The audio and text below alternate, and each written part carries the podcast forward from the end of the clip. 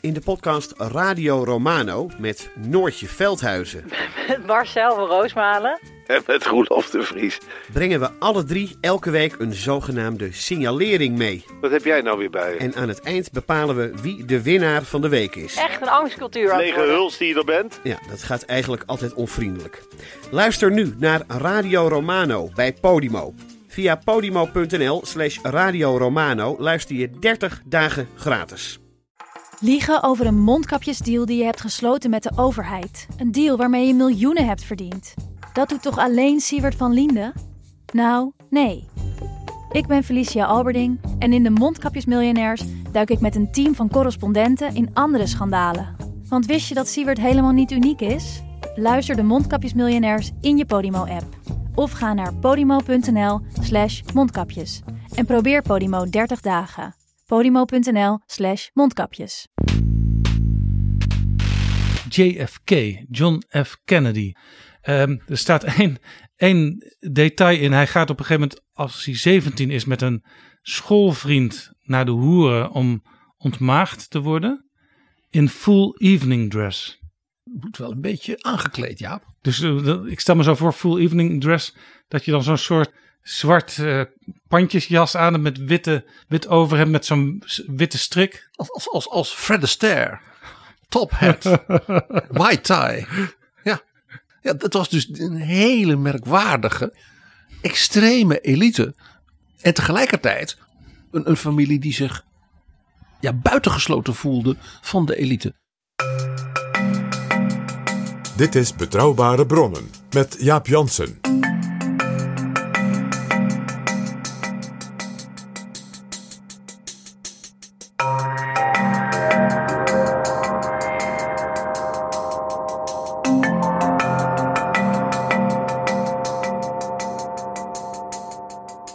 Hallo, welkom in Betrouwbare Bronnen, aflevering 286. En welkom ook PG. Dag Jaap, hoe is de vakantie? Die bevalt goed en daar gaan we ook gezellig mee door. Maar eerst even deze speciale tussentijdse aflevering, PG. Ik heb me daar al enorm op verheugd en ik heb er ook hard aan gewerkt. Ik ben heel benieuwd, maar eerst PG, de nieuwe vrienden van de show. Weer nieuwe Jaap. Namelijk Tim, Herman, Oscar, Nick en Coin. En een aantal eenmalige donateurs Lennart, El, Arno, Paul, Adi en Mar. Hartelijk, hartelijk dank allemaal. Zelfs in de zomerstop, nieuwe vrienden. Wat kan een mens toch opgebeurd raken? En op de site Vriend van de Show kregen we ook nog wat reacties op voorbije afleveringen. Bijvoorbeeld Jan Schrijver naar aanleiding van Jaap de Hoop Scheffer.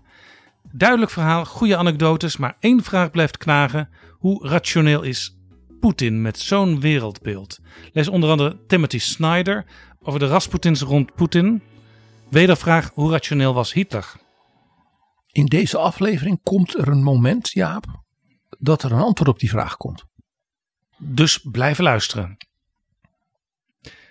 Op de aflevering over het Tsjechische EU-voorzitterschap, aflevering 280, daar is een kleine correctie binnengekomen, PG van Kees. En die zegt de Visegrad Groep is niet vernoemd naar het kasteel in Praag, maar naar een stadje in Hongarije. Ja, dat is heel erg leuk. Er- Die naam, dus Visegrad, eh, stad van Vise, komt dus op verschillende plekken, zeg maar, in het gebied van de Donau voor. En eh, het beroemde kasteel aan de rand van Praag is dus niet waar die ministers bij in zijn geweest. Dat was een veel kleiner kasteeltje verderop aan de Donau bij Budapest. Dat zie je ook weer hoe dus die cultuurkring van dat Habsburgse eh, gebied rondom de Donau heel veel dus overeenkomsten kent. Ja, ik Ja. vond het ook heel leuk om te horen. Diederik Hoekstra die reageert op de aflevering over Kaliningrad. Prachtige aflevering, zegt hij. Hij heeft geen correctie, PG, maar een toevoeging. Twee toevoegingen. Eén over het kasteel van Koningsberg. De oudste afbeelding hiervan is terug te vinden in Beverwijk op een oude gevelsteen.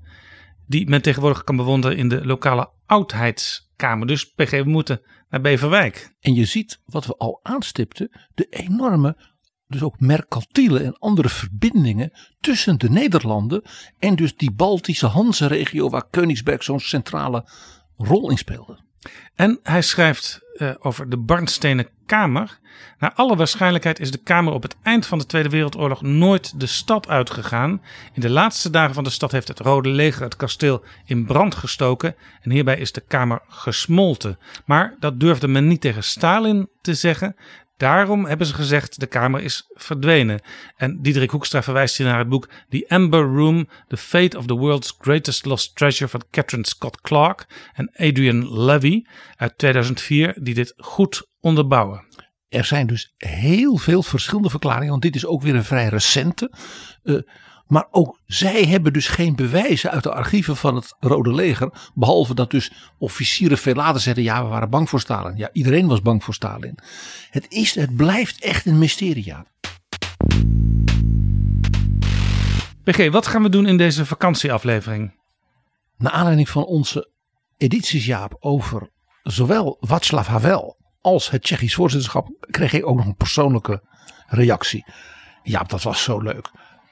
Iemand zei van, we hebben daarna geluisterd en we hebben besloten, wij gaan deze zomer, past bij deze editie, hè, op vakantie naar Bohemen. Zou PG nog een paar boekentips hebben, zodat we ons kunnen inlezen? Ja, want je Zulke kunt... vragen komen dus gewoon zomaar binnen. Ja, want je kunt natuurlijk niet de hele tijd Queen and the Bohemian Rhapsody opnieuw draaien. Dat houdt een keer op, ja. Dat houdt een keer op. PG, wat gaan we doen in deze zomeraflevering? Nou, mijn gedachte was om eigenlijk een beetje vanuit het voorbije seizoen en het soort reacties wat we nu krijgen, een aantal boeken te behandelen die als het ware voortbouwen op thema's daarin van het voorbije jaar en eigenlijk ook daarmee impliciet en soms zelfs bijna expliciet vooruitkijken op het komende seizoen. En dat gaan we doen met wat voor boeken? Um, ik wou een aantal belangrijke net verschenen visies op presidenten van de Verenigde Staten. Een beetje voortbouwend natuurlijk op onze editie over de 4th of July. Die libraries van presidenten en dergelijke. Ook om weer te laten zien dat dus de visie op die presidenten, zelfs ook feiten die nooit eerder bekend waren, zelfs documenten die nooit eerder bekend waren, maar toch weer naar boven blijven komen uit archieven, uit verhalen van families, op zolder bij mensen. Ik heb zelfs een heel letterlijk voorbeeld daarvan. Waardoor je weer een nieuwe blik of een nieuw moment uh, krijgt op ja, zo'n belangrijke persoon. Dus we gaan in elk geval naar de Verenigde Staten. We gaan naar de Verenigde Staten. We gaan ook naar Politiek Den Haag. Een aantal boeken over Politiek Den Haag en Nederland in periodes van grote crisis. En waarin men als het ware weer probeerde tot herstel uit die crisis te komen leek mij in de omstandigheden van nu buitengewoon de moeite waard om boeken daarover nog eens onder de loep te nemen en misschien lessen voor de komende tijd te trekken. En dan natuurlijk de wortels van Europa, wie wij zijn, hoe we zo zijn geworden en wat we kunnen worden. Daar komen politieke dingen aan de orde. Daar komt natuurlijk die grote cultuur, want ik heb een heel bijzonder Duits boek er weer eens bij. En toch wel weer de essentie van wat Europa is. Klinkt interessant. PG, en dat is het? En nog één boek. Het doorgronden van Rusland. En in het bijzonder daarbij, hè, gelet op de vraag van Jan Schrijver, de persoon van Vladimir Poetin. PG, onlangs hadden we natuurlijk de aflevering over 14 juillet, aflevering 284. En toen eh, citeerden we de Gaulle.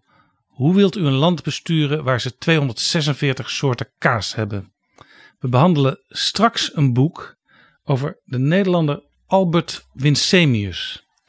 We gaan straks er dieper op in. Maar die zei op een gegeven moment: Het enige waar ik echt verstand van heb is kaas. Want zijn vader had een kaaswinkel. Fromage, fromage. Dit is Betrouwbare Bronnen. PG, je zei het al, we gaan naar de Verenigde Staten om te beginnen. We gaan twee boeken behandelen over twee presidenten.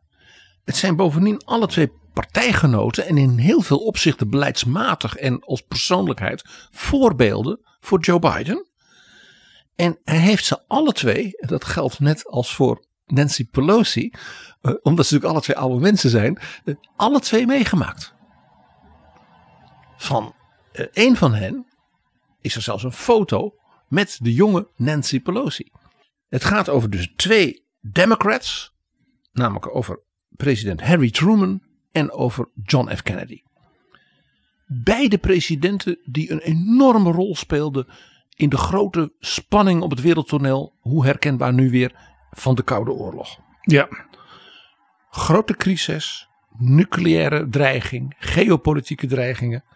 Tegelijkertijd alle twee presidenten in de tijd van een herlevend Amerikaans optimisme. Amerika ook als de enige, zeg maar, zeker economische wereldmacht. Ook door de tijd van de babyboomers. De babyboomers werden geboren als kinderen in die jaren van president Harry Truman. En ja, ze werden politiek als het ware voor het eerst actief en ook eh, vervolgens ja, eh, zichtbaar in de tijd van Kennedy. Laten we naar Harry Truman gaan. Er is een boek over verschenen, geschreven door Jeffrey Frank, uitgegeven door Simon Schuster. The Extraordinary Presidency of an Ordinary Man. The Trials of Harry Truman. Dus zijn worstelingen. Hij werd president in 1945, opvolger van FDR, Franklin Delano Roosevelt, die net aan zijn vierde termijn was begonnen.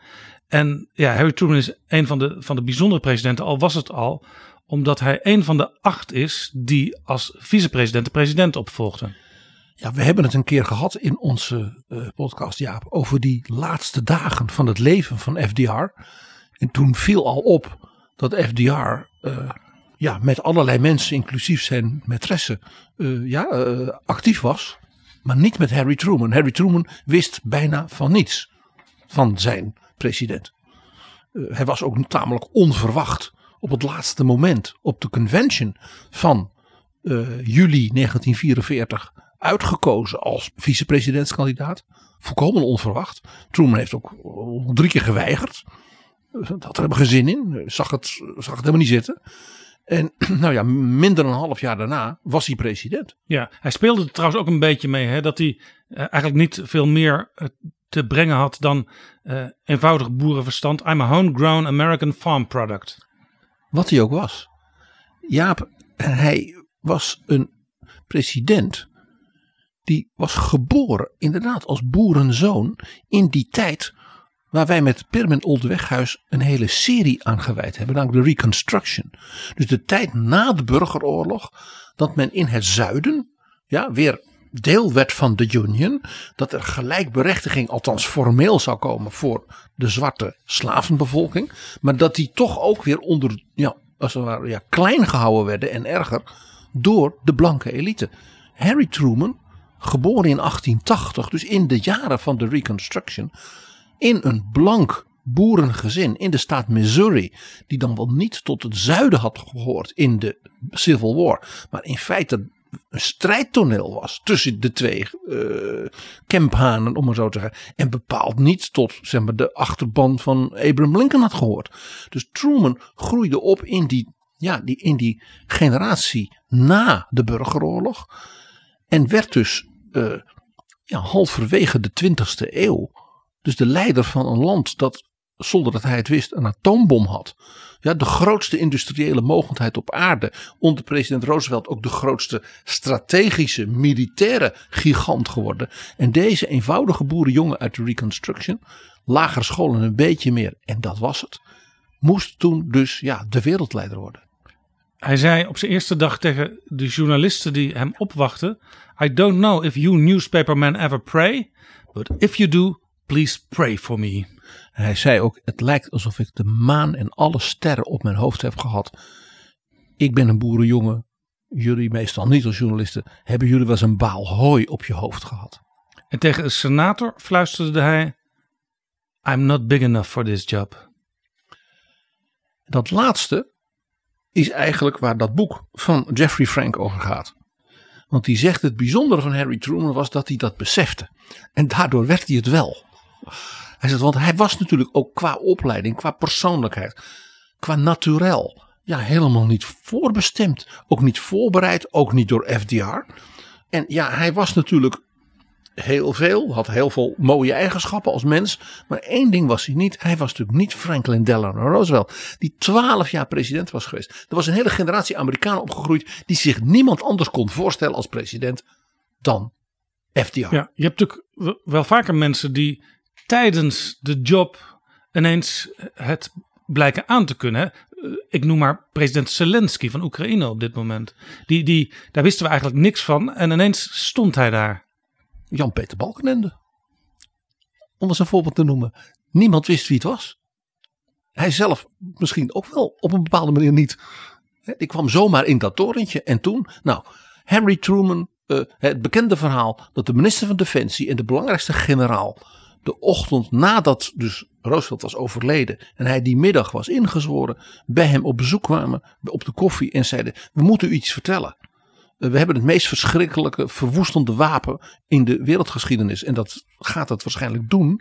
En binnenkort gaat dat worden uitgetest als u dat goed vindt. En ja, dan moet u zich voorbereiden op de beslissing of we dat gaan gebruiken of niet. Dag 2 van je presidentschap. FDR heeft niets aan je verteld. Nee. En hij zei ook: Nearly every memorandum has a catch in it. Dus bijna alles wat hij las, daar stonden dingen in waarvan hij absoluut niks wist. Ja. Die volkomen verrassing voor hem waren. En hij had op dat bureau hè, na een tijdje dat beroemde bordje wat in de Truman Library The buck stops here. De buck stops here. Hij besefte die memoranda, die generaals, eh, die geleerden die zo'n bom bedenken en bouwen en wat dan niet. Uiteindelijk op mijn bureau komt dan dat beslismemo. Of dan komt er dat gesprek tussen die drie ministers en die adviseur. Uh, en dan kijken ze mij aan na een half uur. We hadden het laatst in Betrouwbare Bronnen over het Marshallplan. En die toespraak van George C. Marshall uh, op de universiteit. Uh, waar die plotseling eigenlijk op een vrij beknopte manier uiteenzette wat ja. hij van plan was. Ja, hij kreeg een eredoctoraat op Harvard. Toen dacht hij, nou laat ik het verhaal hier maar doen. En hij was minister van Buitenlandse Zaken. Maar het verhaal is ook dat president Truman eigenlijk daar niks van wist. Nee, maar dat vond Truman ook helemaal niet erg. Dat is een heel interessant fenomeen wat in het boek ook blijkt. Er waren mensen, zeker Marshall, maar dat gold ook voor anderen, van hij zei, die vertrouw ik zodanig toe dat ze handelen in mijn geest, dat ik ze niet voortdurend voor de voeten loop. En wat hij bedoelde in mijn geest, waarbij hij zei, maar ze hebben zoveel meer verstand van hun terrein dan ik, dat ik ook niet voortdurend moet gaan raadselen of ze wantrouwen of wat dan niet. Dus hij had door zijn eenvoud tegelijkertijd een heel krachtig soort zelfbeeld, wat hem ook zelfvertrouwen gaf. Ja. In de zin van, ze leggen mij uiteindelijk de beslissing voor, de bak stops hier. Want één ding, daar was Truman ook trots op, zijn hele leven, I am decisive.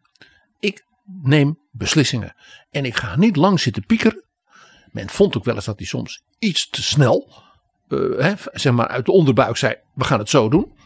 Bijvoorbeeld de, de beslissing om uh, in Korea met troepen uh, Zuid-Korea te gaan helpen.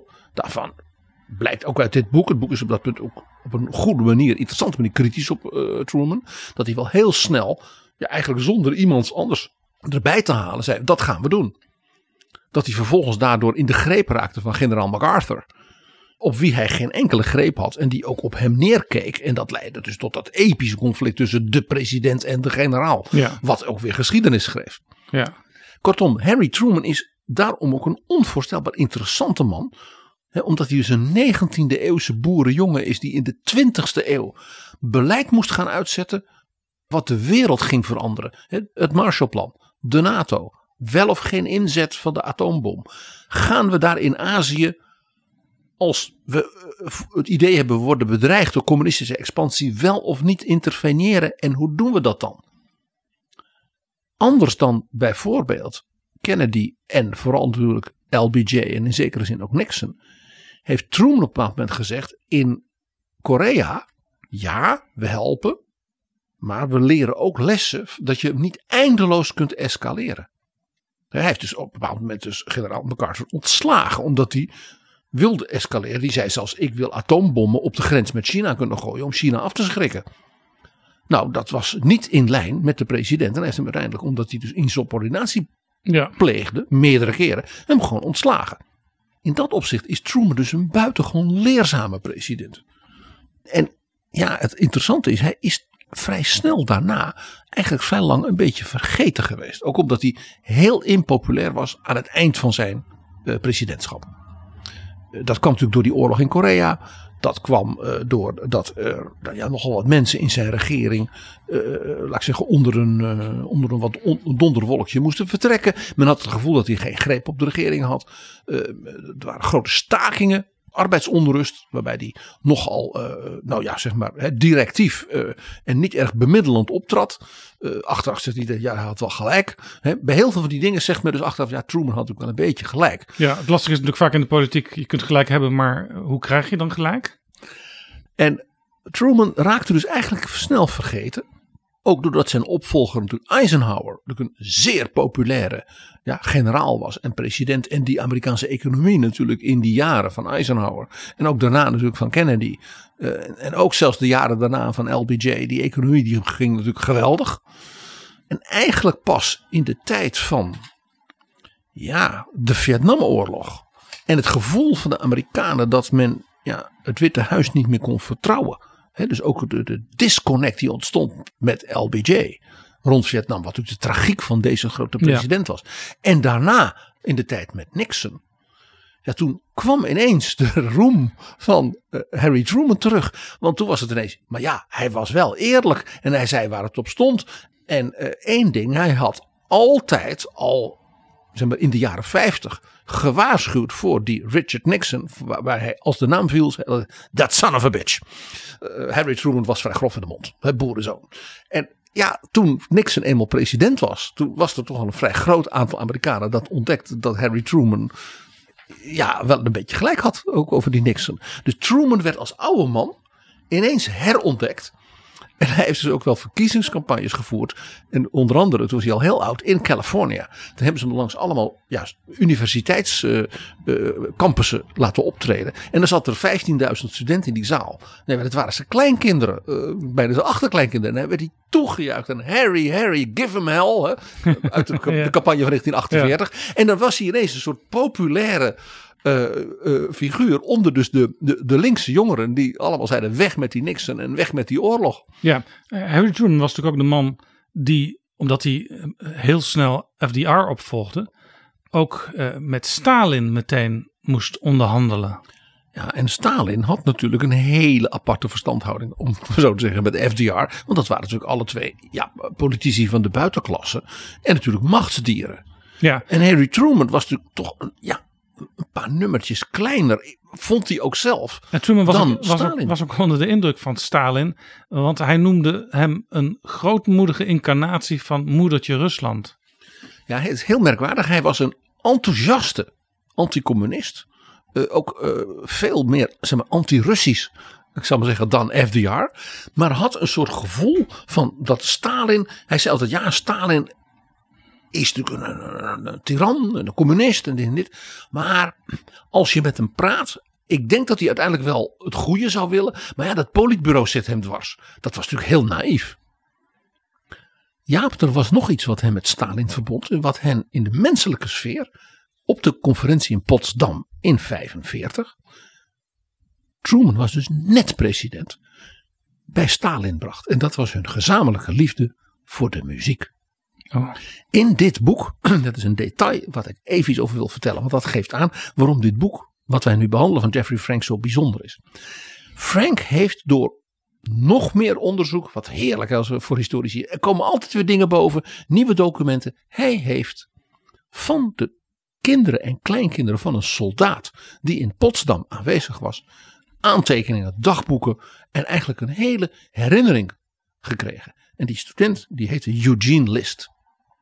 Eugene List was een conservatoriumstudent, maar was dienstplichtig.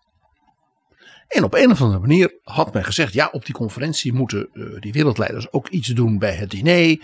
En dan moet er iets zijn. Eugene List werd dus ingehuurd als soldaat pianist. Aha.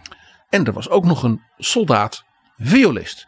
En die hadden dus samen wat, wat, wat, wat, wat, uh, wat uh, stukjes geoefend. En Eugene List ontdekte daar tot zijn verrassing, want die kende natuurlijk die hele Truman niet. Nee. Ja, Churchill, ja, die kende niet. Hè? Van, de, van de bioscoopjournaals en, en Stalin al helemaal. Maar Truman, hij wist nauwelijks wie het was. En hij ontdekte dus toen hij op het diner dat Truman aanbood aan Churchill en Stalin op de eerste avond van die conferentie dat Truman en Stalin alle twee dol waren op klassieke muziek en er ook echt verstand van hadden. Dus die jongen zegt, ik zat dus te spelen Schubert. En daarna een, een mazurka van Chopin. En daarna met die violist nog wat. En nog een ander stukje met die violist. Maar ja, toen waren wij door ons repertoire heen. Dus hij kon verzoekjes uh, doen als, als ze dat in staat waren. Exact, ja, wat er gebeurde. Truman die zei, man, je speelde zo prachtig die, dat impromptu van Schubert. Heb, ja, ik heb, wat is jouw lievelingsstuk van Schubert? Dus die ging. En Stalin zei, Chopin, prachtig. Dus, en die jongen zegt op een bepaald moment, stond dus, na, terwijl ik aan het spelen was, stond naast mij met zijn pijp Stalin. En die bromde en die zei, goed, heel goed. De Engels zei, good, good. En toen dacht ik, wat overkomt mij? Ik ben een, ik ben een conservatoriumpianist, ik ben 223. En tegenover mij zit Churchill met een grote bel uh, cognac. En Truman zit en die knikt naar mij, dat doe je goed. En achter mij staat Jozef Stalin. Hij had ook wel eens iets over Stalin gelezen en gehoord. Eh, dat hij niet alleen maar van muziek hield, maar ook wel eens wat minder mooie eigenschappen had. En op een bepaald moment zegt hij: Speel je ook Russische muziek? En toen zei hij ja. Toen werd ik verteld: Nou, ik, een van de redenen waarom ik naar het conservatorium mocht, was ik heb met het grote symfonieorkest van de stad waar ik ben opgegroeid, als tiener het pianoconcert van Dmitri Shostakovich gespeeld. Stalin viel ongeveer van zijn gratie. Maar dat is geweldig, zei hij. En die zei, compliment. Want Stalin kende dat stuk natuurlijk. Sterker, dat was een heel modern pianoconcert. 1933. En ja, alleen als je extreem virtuoos was, zoals Dmitri Shostakovich, die dat, kon je dat spelen. Dus dat deze jonge Amerikaan dat speelde, dat vond Stalin geweldig. Dus elke keer als er wat was, dan moest hij weer komen. als er weer iets uh, uh, ja, even ontspannend moet Dus het zijn dan ook van die momenten dat, dat, zelfs die wereldleiders, die natuurlijk ook allemaal plannen hebben waarin ze elkaar dwars zitten zonder dat ze dat zo presenteren, uh, toch even misschien uit hun rol kunnen vallen en even misschien ook een beetje tot zichzelf kunnen komen. Ja, en het ook, Truman begreep, dit is een manier voor mij om met Stalin ook op een wat andere manier nog een soort menselijke connectie te leggen. Daarbij kwam dat Truman zelf muzikaal zeer begaafd was en heel goed piano speelde. En op de laatste avond heeft Eugene List gezegd dat ja, dat vergeet ik nooit meer. De president of the United States, dat is een Amerikaanse jongen, die zat naast mij en een grote uh, etude van Chopin, waar hij heel erg van hield, Daarvan zei de jongen, ja dat kan ik spelen. Oh, zei Truman, zou je dat willen doen op de laatste avond? Toen zat dus de president naast hem en die bladerde dus de muziek om. Want Truman kon zo goed muziek lezen dat hij precies wist. Truman was de assistent van, uh, van deze jongen. En ze hebben ook Catramin gespeeld. En Truman heeft hem zelfs later nog een keer in Washington op een staatsbanket ook opnieuw laten spelen. Dit wist niemand nog voordat dus op die zolder bij die familie van Eugene List die aantekeningen van hun voorvader waren gevonden. Dat geeft dus aan waarom we ja, in de geschiedenis ook rondom mensen van we denken, daar weten we toch alles van. In zo'n presidential library liggen toch zoveel miljoen exemplaren van stukken en documenten. Het is waar. En toch ja, en toch. Het geeft weer een heel nieuw momentje uh, in de wereldgeschiedenis. PG, na Truman gaan we een stukje verder in de tijd. Eh, naar JFK, John F. Kennedy. Een boek over zijn jonge jaren. Deel 1 van een serie. Ja, dit uh, monumentale eerste deel belooft veel voor een, nou, zeker zo'n monumentaal tweede deel. Uh, dit boek van Frederik Longeval uh, loopt zeg maar, van zijn geboorte in 1917 tot het moment in 1956, na de herverkiezing van president Eisenhower, uh, waarbij JFK net niet de vicepresidentskandidaat was geworden van de Democrats en dus mee had verloren, uh, dat hij besluit: over vier jaar ga ik zelf kandidaat zijn. Daarmee zou hij dus een van de allerjongste presidentskandidaten in de geschiedenis zijn. Dus dat was echt een beslissing van ga ik nu Of eh, eh, ga ik nog wachten tot ik zeg maar tegen de 50 ben? Het boek heet JFK Coming of Age in the American Century. Het is ook in het Nederlands uitgebracht bij Uniboek Het Spectrum. En dan heet het JFK Kennedy's jonge jaren. Leuk bruggetje met Truman. Truman was overigens net als Eleanor Roosevelt, de weduwe van FDR, bepaald geen bewonderaar van uh, JFK. Ze vonden hem een lichtgewicht. Ze vonden hem veel te jong. En er was bij beide een aanzienlijke argwaan. Want ze zeiden, ja, hij is wel charmant en zo. En heeft een leuke jonge vrouw. En, uh, maar die vader, die vader, die is zo fout. Die familie is zo fout.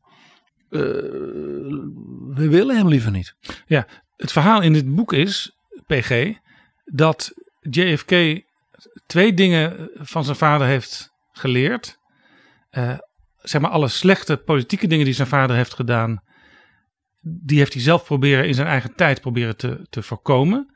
Maar wat die vader ook deed, was uh, er enorm veel liefjes op nahouden. En dat heeft JFK en misschien wel in veel grovere mate ook uh, toegepast. Uh, dit geldt voor alle zonen van Joe Kennedy senior. Dat was iets blijkbaar in dat zeer katholieke, streng katholieke gezin. een soort disconnect ten opzichte van de moraal van de kerk. laat ik zeggen, waar de, het boek dan ook ja, heel interessant op ingaat. JFK zei: I get a migraine headache if I don't get a strange piece of ass every day. Het interessante van dit boek is, doordat het zo focust op die ja, herkomst, dus de familie en zijn jeugd, is dat het twee dingen heel goed laat zien. Ten eerste het volkomen excentrieke van die jeugd, omdat JFK dus in 1917 geboren. Dus in de crisisjaren en in de oorlog en wat nog niet. En ook in de jaren nog daarna. Dus opgroeien in een wanstaltig gefortuneerd milieu. Dus hebben niet de bovenste 1% van Amerika, maar de bovenste 0,1% van de Verenigde Staten. Met alles wat daar ook bij hoort. Uh, hij had nooit geld bij zich. Zijn vrienden moesten altijd alles betalen. Heel apart. Geld bestond niet. Uh, wat er ook was, dingen werden geregeld. Ja, er was altijd personeel. Aan de andere kant was er een ander aspect, wat ook helemaal van de Kennedys was. Diepe, gefrustreerde geldingsdrang. Je willen bewijzen, een succes zijn, want wij zijn als Ierse katholieken gedenigreerde allochtonen. De elite die wil ons geen succes gunnen. Ja, Joe Kennedy had ook uh, de oudere broer van Jack voorbestemd om uh, voor het allerhoogste te gaan. Hè? Uh, om uiteindelijk president van Amerika te worden. maar die jongen die, die kwam om bij een wat was het vliegtuigongeluk? Ja, hij heeft een, een, een heel gevaarlijke missie gedaan. Uh, met een helemaal zeg maar, volledig met explosieven gevuld vliegtuig. Dat moest landen op de kust van Noord-Frankrijk vanuit Engeland. Van zeg maar, de centrale lanceerplaatsen van de V1's uh, in de tijd dus van D-Day. Om te voorkomen dat dus uh, die V1's, want waar men natuurlijk niet van wist hoe goed ze zouden zijn. Men was heel bang voor die Duitse raketten. Hè, daar waren ook allemaal verhalen over. Dat die dus niet alleen Londen zouden raken, maar ook de haven van Antwerpen. En ook natuurlijk de, de stranden van Normandië. Uh, en ja, daar heeft hij zich dus uh, vrij, als een soort vrijwilliger voor aangemeld. Waarvan dus in het boek ook zegt van ja, daar speelde ook een element uh, van een soort, ja, als ik dat doe, dan ben ik een echte oorlogsheld. ook omdat Jack, ja, als het jongere broertje, zowel intellectueel als, ja, als persoonlijkheid en ook als oorlogsheld namelijk in de Pacific, dus de oudere broer Joe aan het overstijgen was. Dus er was ook nog een soort rivaliteit tussen die twee broers. Ja, op de een of andere manier slaagde JFK er sneller in om de dingen goed te doen dan zijn oudere broer. Ja, en daarbij kwam dat die Joe, dat blijkt uit dit boek heel interessant, eigenlijk laat ik zeggen, op de, op de verkeerde manier een braverik was. Wat vader zei was wel gedaan. Die had geen eigen ideeën. En het interessante in dit boek is dus die worsteling van JFK met die, met die herkomst. Dus zowel met die Iers-katholieke kant. Hè, wat aan de ene kant hem die drive gaf, die ambitie, maar ook dat, die frustratie, dat wilde hij niet. Eh, en ook die, dat ontworstelen van, dat, van die enorme rijkdom. Want ja, de rest van de wereld was zo niet. Eh, en de ontworsteling van dus de, ja, van die vader. Aan de ene kant ongelooflijk ja, eh, bewonderend. Ook een liefde voor die vader. hield zich ook enorm aan hem vast. Zocht ook altijd zijn, zijn goedkeuring. Maar zijn intellectuele onafhankelijkheid van JFK is het interessante thema in, in het boek. Dat hij dus eigenlijk met die vader meegaat naar Londen. Die vader die dus gewoon ja, ja, pro-Hitler is. Om ja, die is ambassadeur, die vader. Van Roosevelt in, Londen. Wat natuurlijk een heerlijke, typisch Rooseveltiaanse vilijne zet was. De, de Ierse katholieke figuur bij de Engelsen de onderdrukkers van de Ieren. Dus dat was, de, dus dat was een enorm slim politiek gebaar van FDR naar de Iers-katholieke kiezers in Amerika. En tegelijkertijd had hij die Joe, die hij maar heel lastig vond en eigenwijs en niet te vertrouwen vond, had hij op een plek gezet waar hij hem als het ware kon inpalmen. En, on, en, en, en binnen, binnenboord kon houden. Ja. Heel slim natuurlijk zoals FDR was. Ja, maar toen de broer van JFK uh, overleed, toen kwam ineens de last van alles te moeten kunnen, alles te moeten bewijzen. En gaan voor het allerhoogste. Dat kwam op de schouders van Jack te liggen. En toen moest hij dus wel weer uh, meer aan zijn vader gaan gehoorzamen. En dat deed hij dus niet. Het interessante is dat hij dus in die zeg maar, Londense jaren, ook als student, zich als het ware heeft geëmancipeerd van die zeg maar, nou ja, pro-fascistische, zeker, zeker pro-Mussolini, later ook pro-McCarthy kant van zijn vader. En bijvoorbeeld een soort doctoraalscriptie schreef uh, op de universiteit. Waar zijn vader dan ook zei: daar gaan we een boek van maken. Hè? Dus hij moet, mijn zoon moet een succes. En, en dat boek werd een bestseller. En dat was een analyse waarom onder Stanley Baldwin en Neville Chamberlain we hadden het er onlangs over ja, bij de val van uh, Boris Johnson. Uh, zo de mist in waren gegaan met hun appeasementpolitiek. Terwijl zijn vader daar een enorme voorstander van was. Maar zijn, zijn vader, was een vriend van Chamberlain. Zijn vader dacht, de, deze jongen moet in het, uh, in het licht van, van alles terechtkomen. Die moet gezien worden. Familie Dus no matter wat er in dat boek staat, dat boek moet een succes worden. En dat werd het ook. Maar het interessante was dat dus JFK door dat succes zich ook sneller nog kon emanciperen van zijn vader. En daarbij is hij ook dus heel veel gaan rondreizen met studievrienden in Europa, ook in Nazi-Duitsland, eh, ook in het Italië van Mussolini. En daarin werd hij dus ja, analytischer, uh, kritischer, sceptischer ook ten opzichte van wat zijn vader beweerde, wat zijn broer beweerde. Uh, tegelijkertijd, hij was helemaal niet zeg maar, een enorme verzetsheld of zo, zo niet. Maar wel zoiets van Amerika kan het zich niet veroorloven afzijdig te staan. Ja, het was dus geen America First, ze doen maar in Europa. Nee. In dat opzicht zat hij dus op de analyselijn van president Roosevelt en niet van zijn vader. En daarbij is nog iets gekomen. Hij heeft dus in die oorlogsjaren, ook door zijn ervaringen eh, als commandant eh, van ja, eh, mariniers in de Pacific, ja, ook nou ja, de dood in de ogen gezien. Daarbij ook de dood van zijn broer. Waar hij ontzettend van hield. Was, waren ze heel rivalen. En wat een groot punt ook was. De dood van zijn zus Kathleen Kik. Die een beetje het zwarte schaap van de familie was. Want die was getrouwd met een protestantse edelman uit Engeland. Dus bij de trouwerij, uh, nou, waar de familie er eigenlijk niet bij zijn en zo. En niet alleen sterft uh, die jonge edelman ook met een vliegtuigongeluk. Maar zij sterft vlak na de oorlog ook door een vliegtuigongeluk. En zij was een beetje zijn tweeling. Die twee, ze leken op elkaar, ze waren ook vlak na elkaar geboren. Qua karakter hetzelfde, ze waren intellectueel elkaars uitdagers. Dat was een duo. En dus hij was zijn oudste broer kwijt, waardoor dus die familie-eer zich op hem ging richten. Hij was zijn lievelingszus kwijt. Uh, en dat heeft dus de, de jonge Jack Kennedy als mens ja, een soort ernst gegeven. Een soort ja, ook ja, diepgang in de omgang met het leven al heel jong. In combinatie met die emancipatie in, maar, in politiek-intellectuele zin van zijn vader. Daarom ook dat hij, anders dan zijn vader en zijn broer Bobby, uh, dus ook heel afstandelijk stond tegenover, tegenover Joe McCarthy. De communistenjager. Ja, maar ja, dat was ook een Ierse katholiek, een jongen uit het volk, dus die moest je steunen. Jack Kennedy hield afstand. Viel, viel hem niet heel erg hard af. Eh, maar hij was een Republican, dus hoefde als Democrat er toch niet zoveel mee te doen. Maar het was, vader... natuurlijk, je kon ook weer niet heel erg tegen zo'n man ingaan. Want dan kreeg je onmiddellijk het odium dat je misschien wel een communistenvriend was. Ja, en een eliteman en uh, dat soort dingen.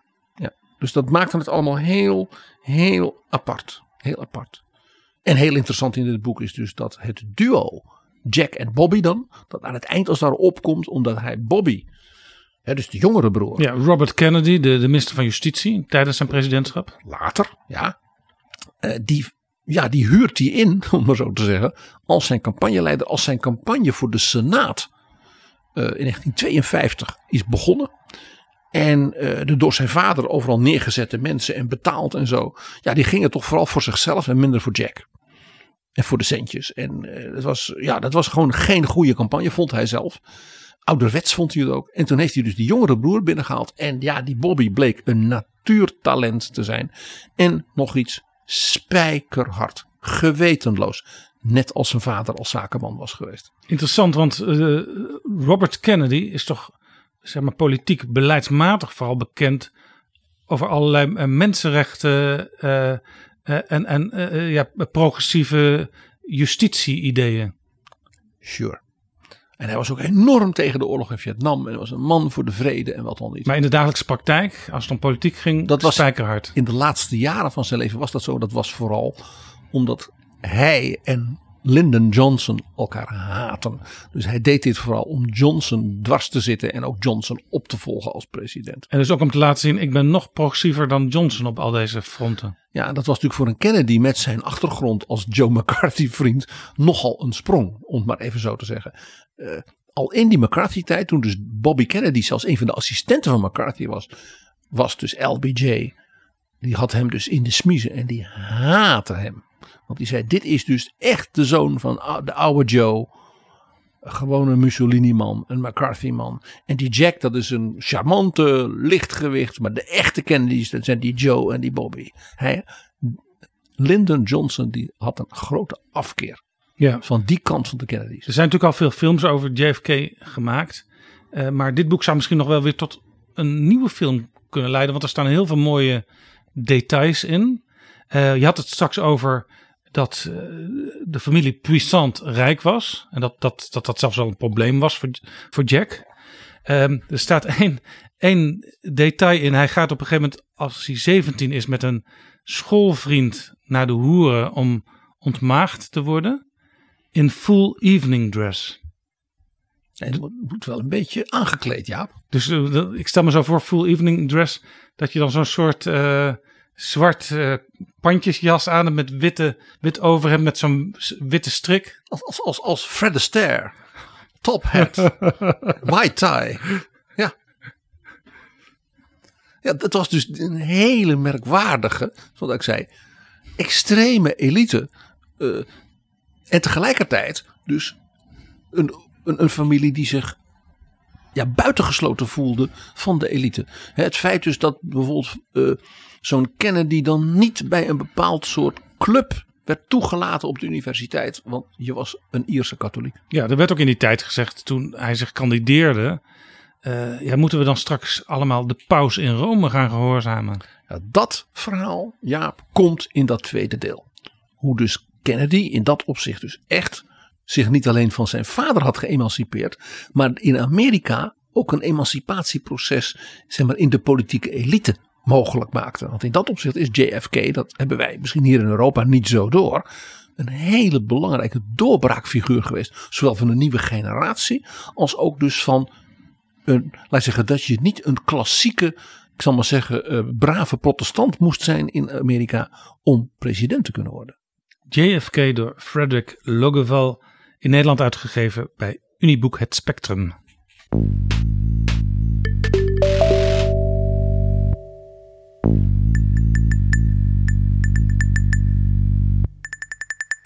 PG, we gaan naar Nederland. De naam viel al even in het begin van deze aflevering. Jan-Peter Balkenende. Ja, ik wil het even hebben over een belangrijk nieuw boek van Friso Wielinga. Op zoek naar stabiliteit. En hij heeft een gedurfde poging gedaan om, ik zal maar zeggen, de balken en de jaren is vanuit een ja, enige distantie nu historisch te bekijken. Uh, en als het ware te kijken van wat is er nou gebeurd in Nederland? En ook hoe heeft de politiek, de Haagse politiek en ook zeg maar de persoon van de premier natuurlijk, daar een antwoord op geprobeerd te geven. Balkenende trad aan na de Paarse jaren, dus in 2002. En hij was uh, acht jaar lang premier. Ja, en, hij lijkt soms wel eens een beetje vergeten als minister-president. En dat is interessant. En in dat opzicht is het boek van Friso Willinga ook een, ja, een soort antwoord of een soort uh, vervolg op mijn eigen boek natuurlijk over de geschiedenis van het CDA tussen 98 en zeg maar, 2020, 2019. Waarin natuurlijk die periode Balkenende uh, natuurlijk ja, in het midden ongeveer van die historie staat. Waarbij dus de opkomst van Balkenende uit het volkomen onverwachte. Als ook natuurlijk zijn, zijn, zijn, zijn crash, om maar zo te zeggen. Natuurlijk een onderdeel is van die bredere partijgeschiedenis. En Friso Willinga kijkt zeer gedetailleerd naar. Kijkt zeer gedetailleerd vooral naar het beleid in de jaren.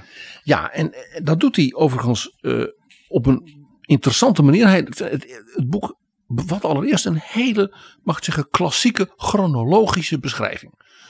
Waarbij een heleboel dingen voor de lezer, ook voor mij als lezer, denken van, oh ja, toen dat gebeurde, gebeurde tegelijkertijd bijvoorbeeld ook dat. Dus dat je bepaalde dingen nog weer, als het ware, in de herinnering terugroept, uh, die misschien soms al wat weggezakt zijn. Ja, ja, ik heb zelf heel vaak dat ik dingen me wel herinner, maar niet meer in de context van andere dingen. En een, een goed geschreven boek laat dat allemaal wel weer op de juiste manier zien. En ik vind dat die, die kant, die, dus die, die, die serendipiteiten ja, van dingen die tegelijkertijd gebeuren, uh, in dit boek uh, ja, verfrissend uh, af en toe naar voren komt. En ik denk, oh ja, bijvoorbeeld het gedoe over de film Fitna. Ja. En de rol daarbij van minister Hirsballin.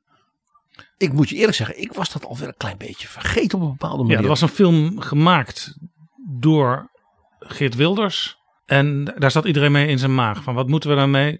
Ja, verbieden is ook weer zoiets. Iedereen zat te zeggen, een soort bange afwachting van die film. Ja, men zat ermee in zijn maag, zolang niet duidelijk was wat die film eigenlijk was. Het was vooral de voorafschaduwing, die, die tot. En, de, en de, de vrees om de vrees. Het was bijna FDR, we have nothing to fear but fear itself.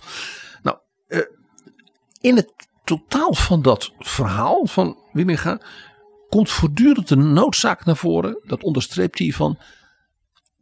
In de media werd dat gezegd, werd dat gezegd. Hij citeert heel veel uit de kranten en dergelijke van die tijd. Om vervolgens te zeggen van. Ja, maar als ik er nu nog eens even met een klein stapje terug naar kijk. Mag ik nog eens aandacht vragen voor die nuance? Of voor dat extra aspect? Of voor die ja, verdieping? En hij zegt dus een wat meer evenwichtig beeld van die jaren van Balkenende. Ja, daar zou Nederland goed aan doen. Ook omdat je daarbij zowel de periode van, ik zou maar zeggen, Kok en de Paarse periode. als de jaren sindsdien van Rutte. misschien ook wat meer genuanceerd bekijkt. En slaagt hij daar zelf in om dat beeld, dat, dat, dat meer evenwichtige beeld te schetsen? Deels. Ik begin met het positieve aspect. Wat hij echt goed doet, en soms ook soms met een zo'n soort bijzin, is de wat makkelijke, mag ik zeggen, wat flauwe grappenkant over Balkenende. Uh, dat hij dan een keer op een uh, skateboard staat of dat soort dingen.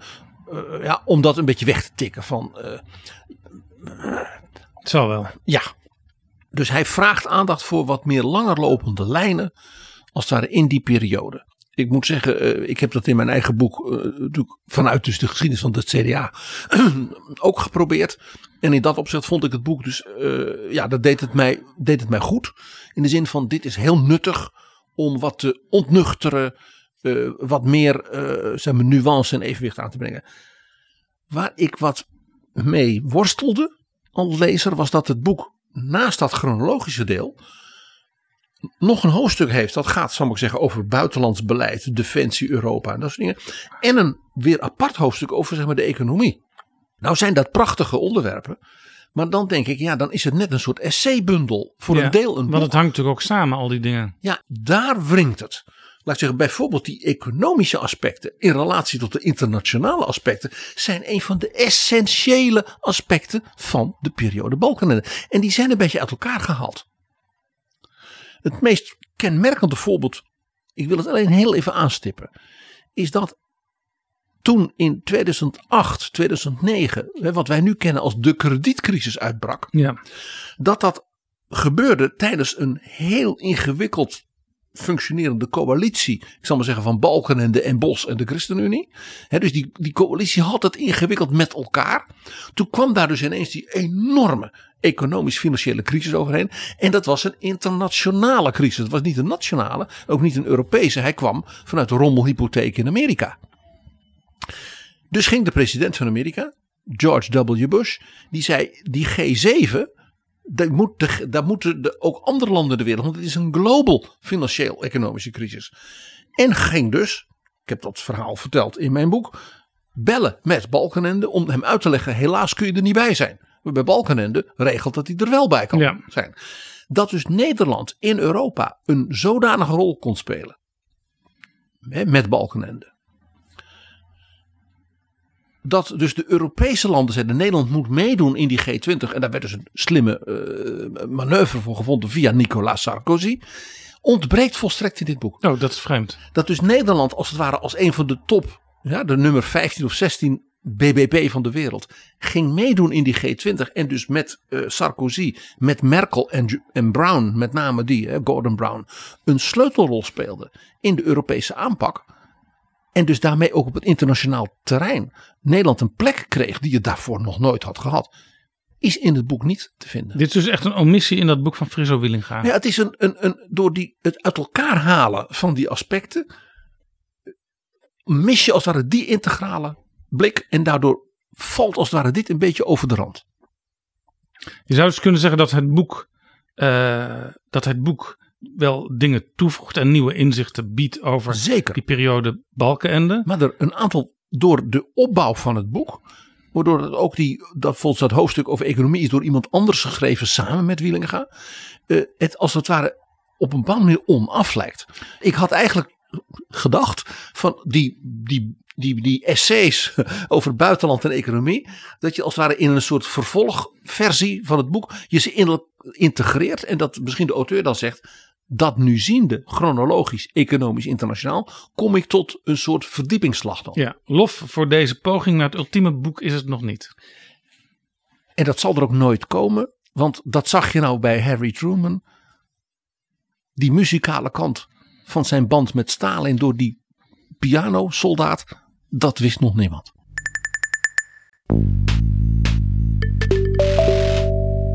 Dit is Betrouwbare Bronnen, een podcast met betrouwbare bronnen.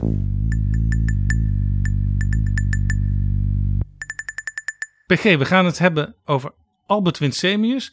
Veel mensen kennen natuurlijk Pieter Winsemius en dat was de zoon van Albert Winsemius. En Albert Winsemius is een heel belangrijke topambtenaar geweest in Nederland. Maar hij is nog veel belangrijker geweest voor de ontwikkeling van Singapore. En daarmee is het een sleutelfiguur in de geschiedenis van het moderne Azië. Ik kan dat niet genoeg onderstrepen. En Frans Toelinga heeft een boek gepubliceerd over het leven en werk van Albert Winsemius. Met als ondertitel De man die Nederland en Singapore rijk maakte. Dus twee keer heeft hij aan de wieg gestaan van een wederopstanding van een land. Na de Tweede Wereldoorlog Nederland en in de jaren 60 het straatarme Singapore. Want wat deed Albert Winsemius? En Jaap, er is weer een linkje met Harry Truman en een eerdere editie van Betrouwbare Bronnen. Hij was de topambtenaar die de manager werd in Den Haag, van, dus de coördinator van de uitvoering van het Marshallplan.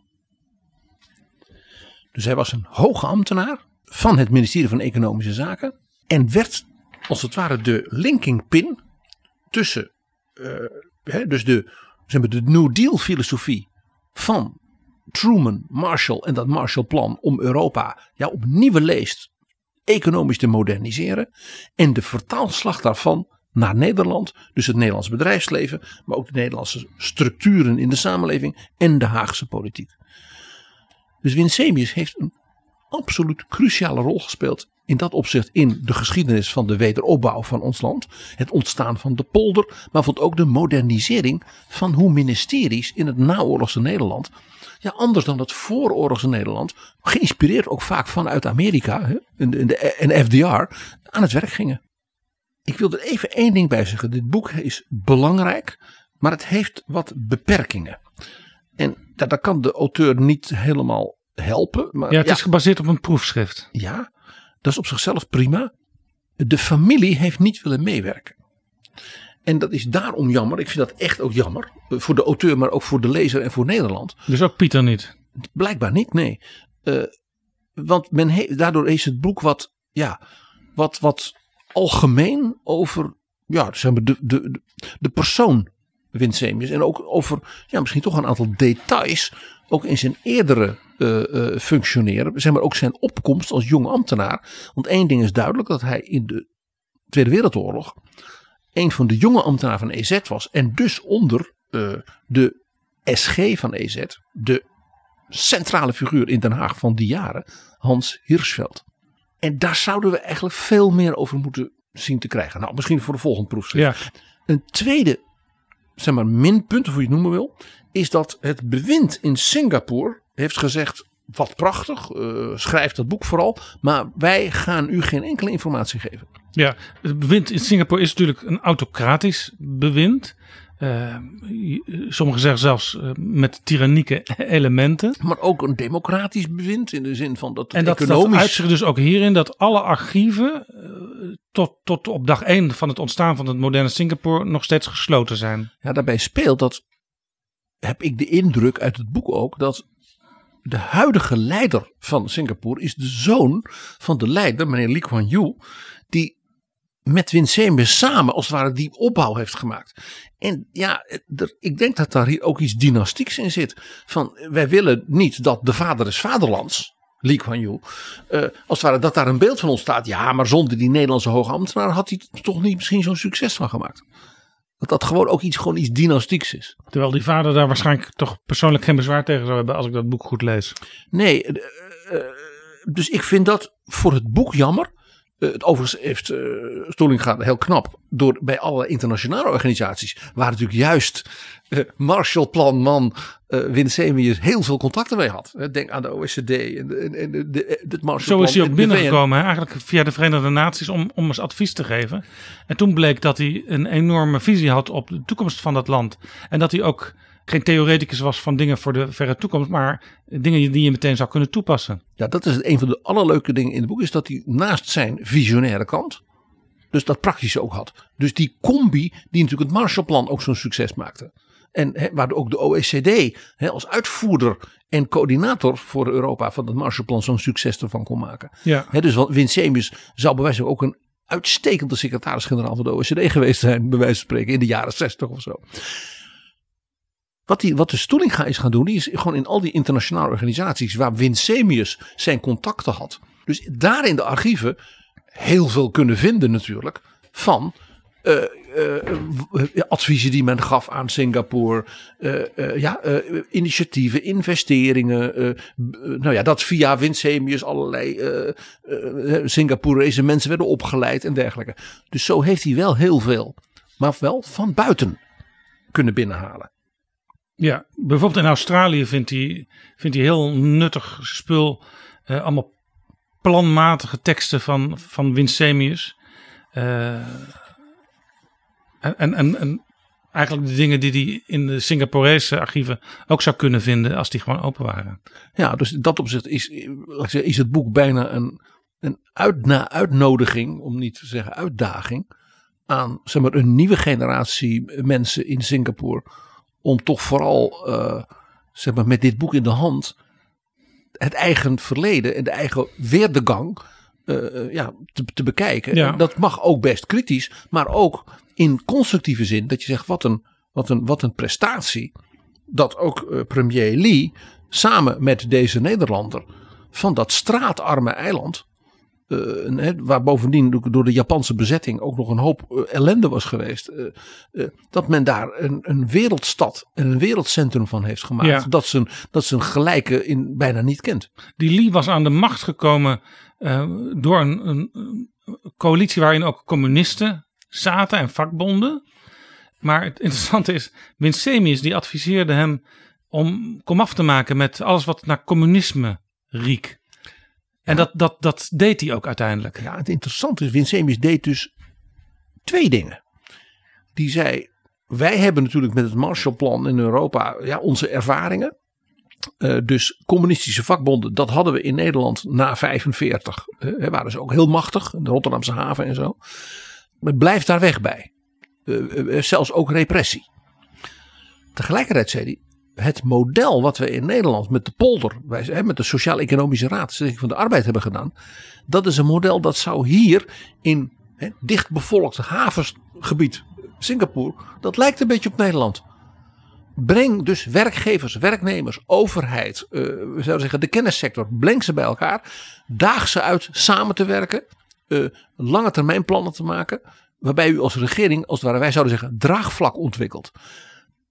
Dat natuurlijk op een wijze die dus past bij de, zeg maar, de Aziatische eh, geschiedenis en cultuur. Maar vertaal als het ware het, het poldermodel naar Azië. En dat is dus een heel geslaagde opzet geworden. Waarbij dus elementen dus van het denken uit het Marshallplan. Elementen uit het denken van zeg maar, Jean Monnet en het ontstaan van de EU. En elementen uit het denken en het ontstaan van het poldermodel. Als het ware vertaald werden naar de straten van Malakka. Wat ik ook interessant vind, want hij kijkt dus naar wat er in Nederland gebeurd was. Maar hij was ook een globalist, Albert Winsemius. Want hij zag al snel dat eh, arbeid vertrok naar lage lonenlanden. Naar bijvoorbeeld China. En toen hij dat waarnam, toen zei hij... Het heeft geen zin hier in Singapore eh, zware industrie te gaan plaatsen. Wij moeten ons ontwikkelen richting een diensteconomie. En dat is ook gebeurd. Ja, dat is heel, heel grappig. Hij, hij zag dus dat landen als Zuid-Korea, ja, Japan, met de industrialisatie en later dus ook China, in Azië dus een economische rol gingen vervullen. Waar dat kleine eiland, eh, ja, helemaal, helemaal, helemaal zijn eh, prioriteit niet moest leggen. Dus wat je dan moet doen is een, ja, een distributiecentrum, maar niet, eh, hè, zoals van Nederland wel eens zegt, dozenschuivers. Je moet dus enorme waardetoevoeging gaan doen. Dat betekent dus hoogontwikkelde dienstverlening.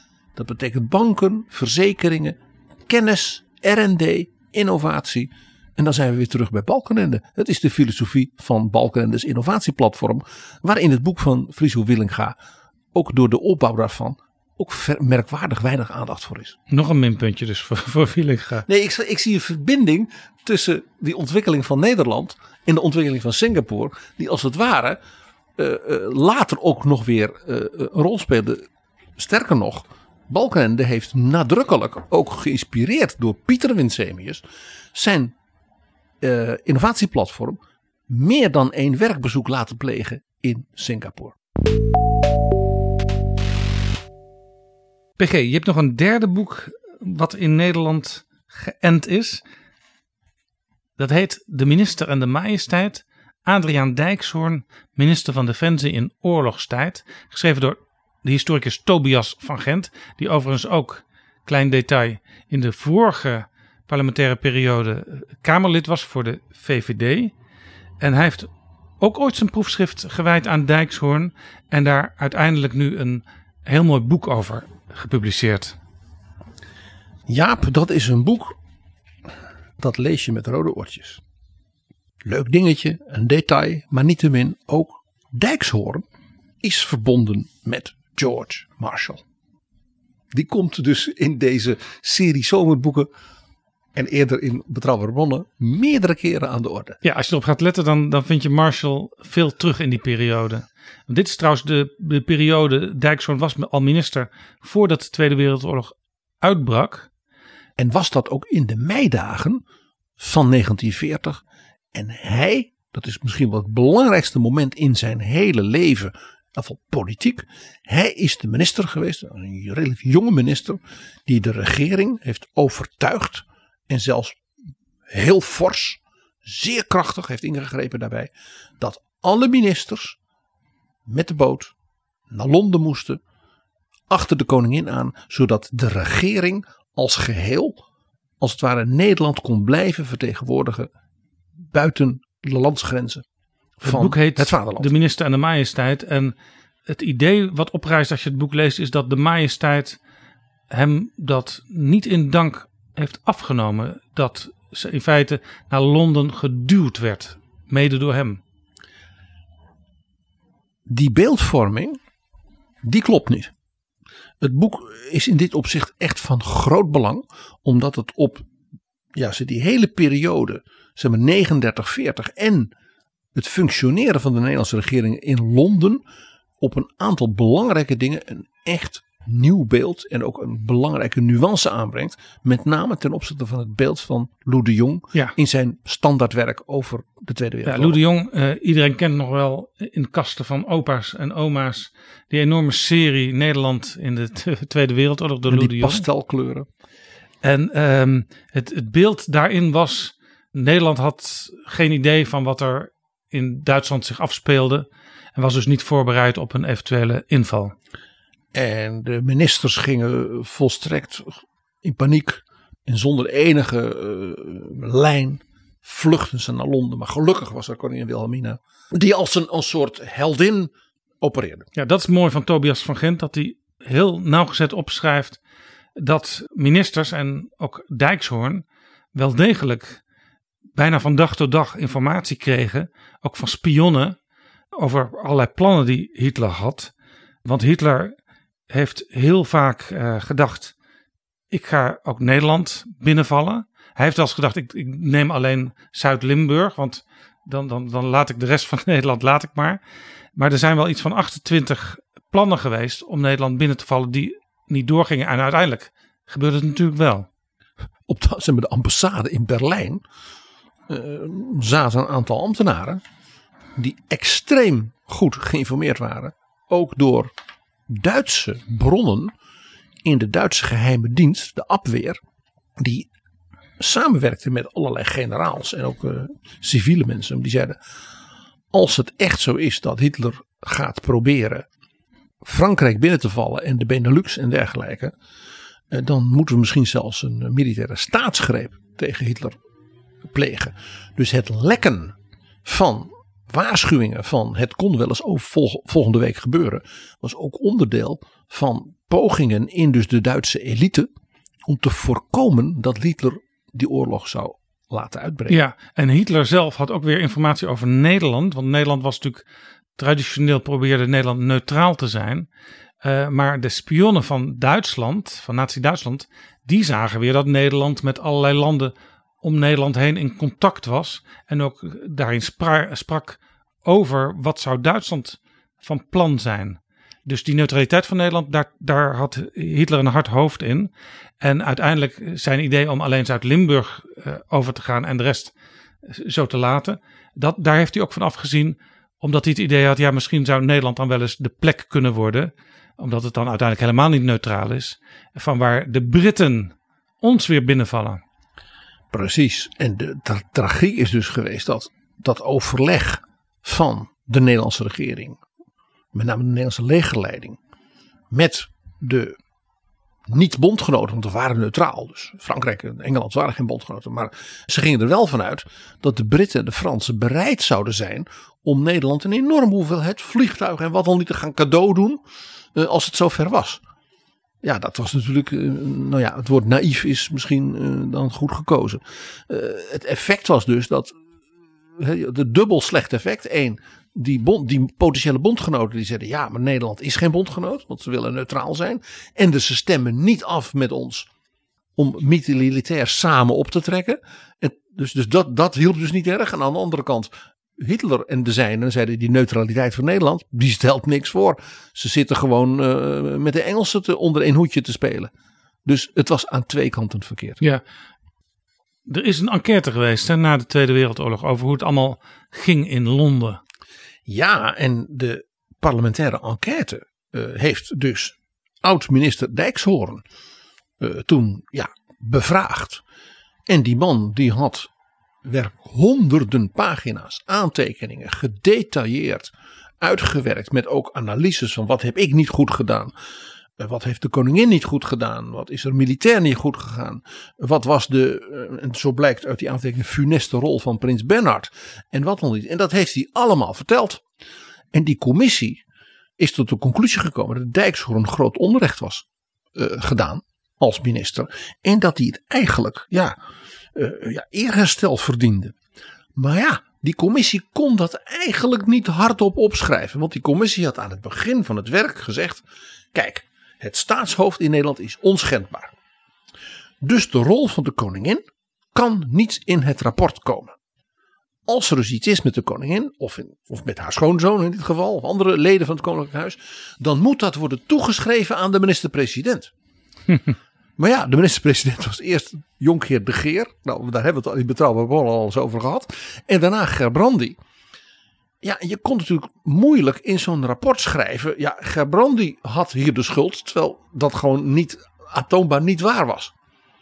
Dus de parlementaire enquêtecommissie sch- schreef wel dat Dijkshoorn ja, hè, toch er- erg zijn best had gedaan en eerherstel verdiende. Maar wat nou de aantasting van zijn eer was geweest, daar kon men eigenlijk niet over, over schrijven. Nee, toen Dijkshoorn eh, minister af was, toen is hij naar Amerika gegaan. Later is hij teruggekeerd in Nederland. En toen werd hij waarnemend chef van de generale staf. En minister van Oorlog De Kwaai wilde hem toen uiteindelijk eh, de chef van de generale staf maken. Ja, want hij was een militair, hij was een minister, maar daarvoor was hij zijn hele leven dus een beroepsmilitair geweest. En dat heeft Wilhelmina geblokkeerd. Wilhelmina heeft zelfs na de oorlog, dus die minister van Defensie, gewoon gevetood de benoeming van dus de belangrijkste zeg maar, militair adviseur van de regering. En waarom? Omdat zij eh, ja, nog appeltjes met hem te schillen had uit Londen.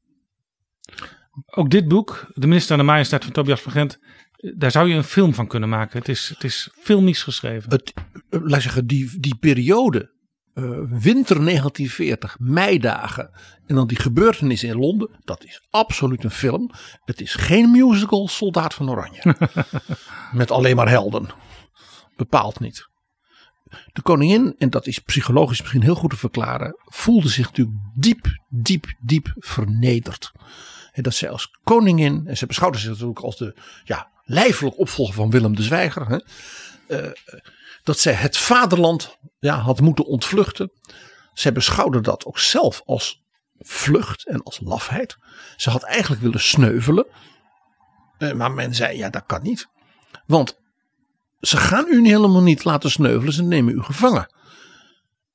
Wat ook later bleek natuurlijk, toen koning Leopold III Ja, van België ja. ook niet sneuvelde, maar ook niet naar Londen ging. En dat, was een, dat bleek een ramp voor de Belgische dynastie na de oorlog. Dus dat de koningin gevlucht is en dat Dijkshoorn de regering heeft gedwongen, dus zijn collega's, mee te gaan met z'n allen. Ja, dat bleek dus achteraf, dat schrijft dus de, die parlementaire commissie ook, hoe verschrikkelijk ook politiek en moreel en strategisch en militair volstrekt correct geweest. Ja. Wat natuurlijk voor Dijkshoorn een enorme ja, eh, ja, bevrediging was. Dat, dat moeilijkste moment in zijn leven. Dat zeiden, jij bent de minister geweest die misschien wel als enige het juiste besluit toenam. PG, jij wil nog een stukje voorlezen uit het boek. Ja, dus de, de koningin voelde zich dus vernederd. En voelde zich machteloos. En vond die ministers uit Den Haag, die dus nu in Londen zaten. En die natuurlijk ook ja, niet wisten wat ze moesten doen. Die mensen waren daar zonder vrouw en kind, eh, zonder ambtenaren. Dus die moesten zichzelf gaan organiseren.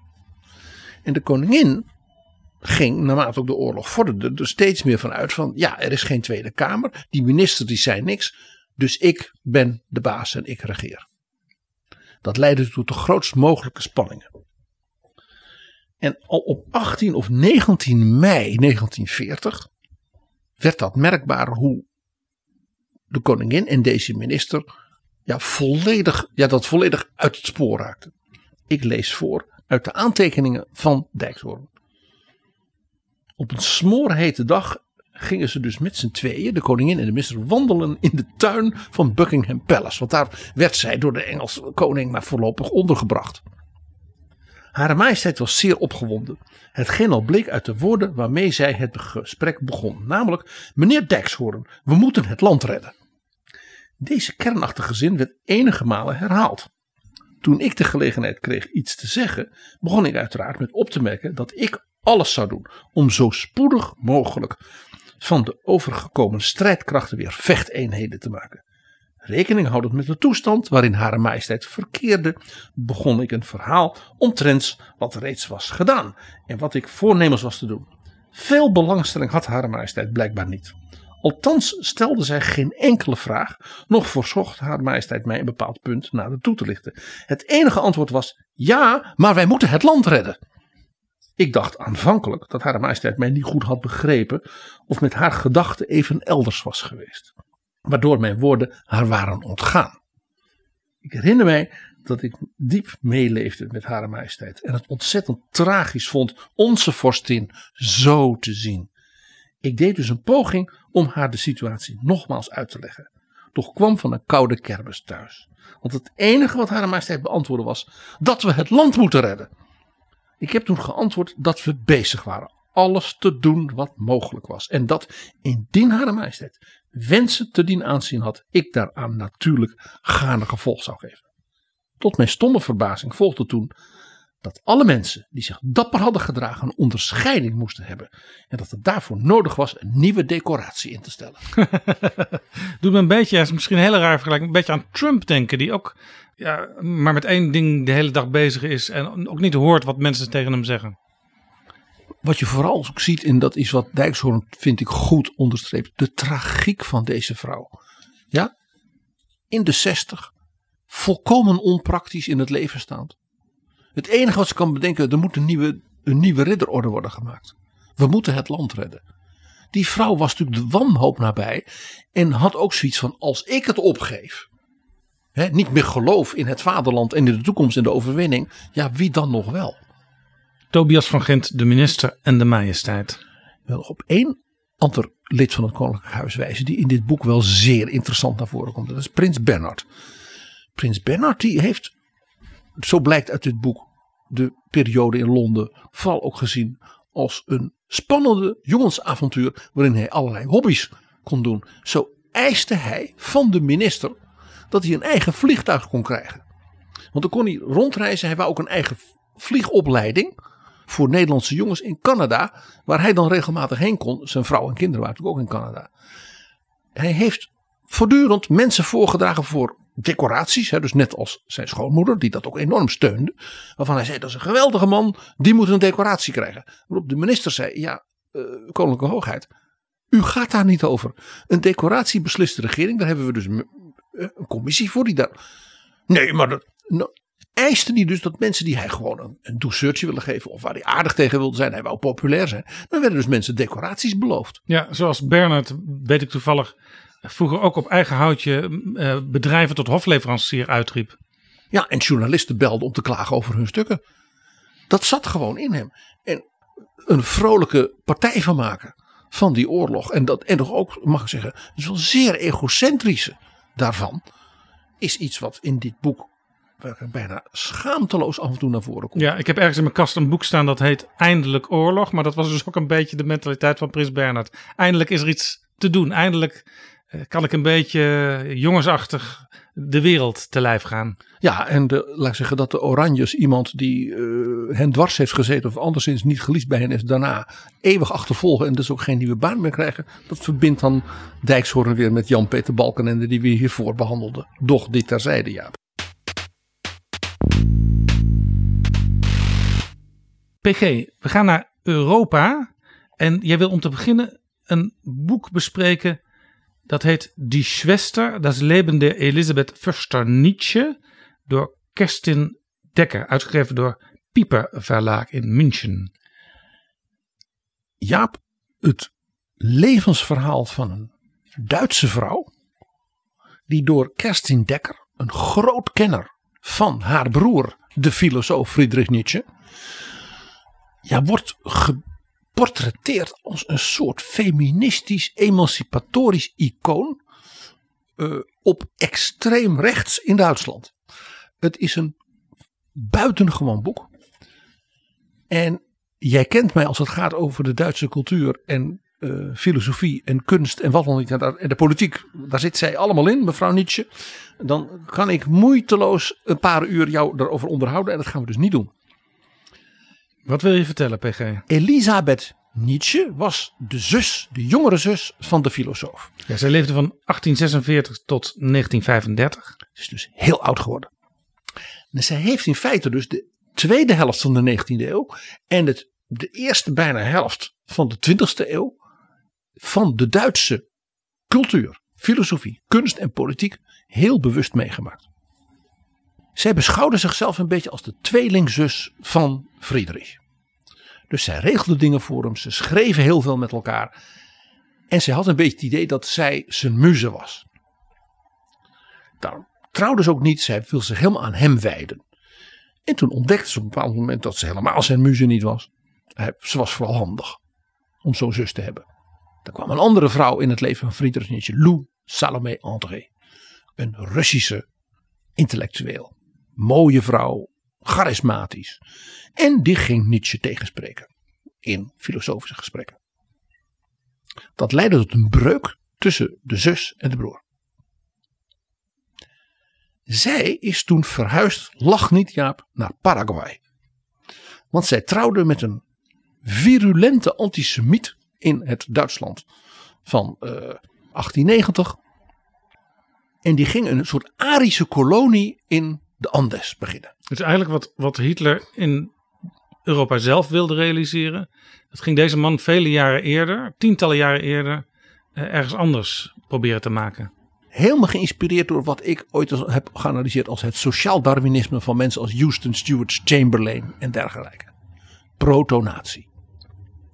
Hij heeft daar zelfmoord gepleegd, want hij bleek een enorme oplichter te zijn. Al het geld was weg en dergelijke. Zij is er terug als weduwe Förster teruggekeerd naar Europa, waar haar broer inmiddels geestelijk volledig was ingestort. Dus zij heeft zich toen weer ontfermd over die broer, met wie ze dus gebrouilleerd was geraakt. Hè? En heeft hem verpleegd tot zijn dood. Het werk van de filosoof Nietzsche is zij gaan uitgeven en al zijn niet geordende aantekeningen van de laatste jaren van zijn leven, dat hij behoorlijk uh, van het padje was, zouden wij nu zeggen, is hij gaan ordenen tot filosofische boeken onder de beroemde titel Die Wille zur Macht. Het succes van Nietzsche als denker, als schrijver. Denk aan het miljoenen keren verkochte Alzo spraakt Zarathustra. Ja? Is vooral het werk van deze zus. Zij bouwde dus ook in Weimar het zogenaamde Nietzsche-archief waar hij op de bovenste verdieping tot zijn dood ook werd verpleegd. Heel intellectueel Europa kwam daar op bezoek. Uh, kwam ook, mocht, soms mochten ze ook bij, bij hem even komen kijken. Hij werd echt als een soort, ja, als een soort, soort dierentuinfiguur tentoongesteld. En ja, dan moest je natuurlijk wel betalen. Zij was ook een geweldige ja, hoe noem je dona donatiesverzamelaar. Hoe noem je zo iemand? Een fundraiser.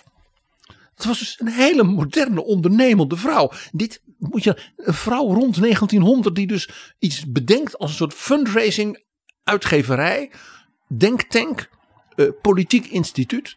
Er zat dus hele rijke mensen onder andere Scandinavië die dus haar betaalden. Een van de belangrijkste Duitse edelen in de, de literatuur en de cultuur, Harry Graaf Kessler, heeft haar dus ondersteund. Dat was alles behalve een nazi of een fascist, maar wel een bewonderaar van Nietzsche als denker en ook vooral ook als literator. Ja. Die mensen bond ze allemaal vanwege die broer rond dat archief.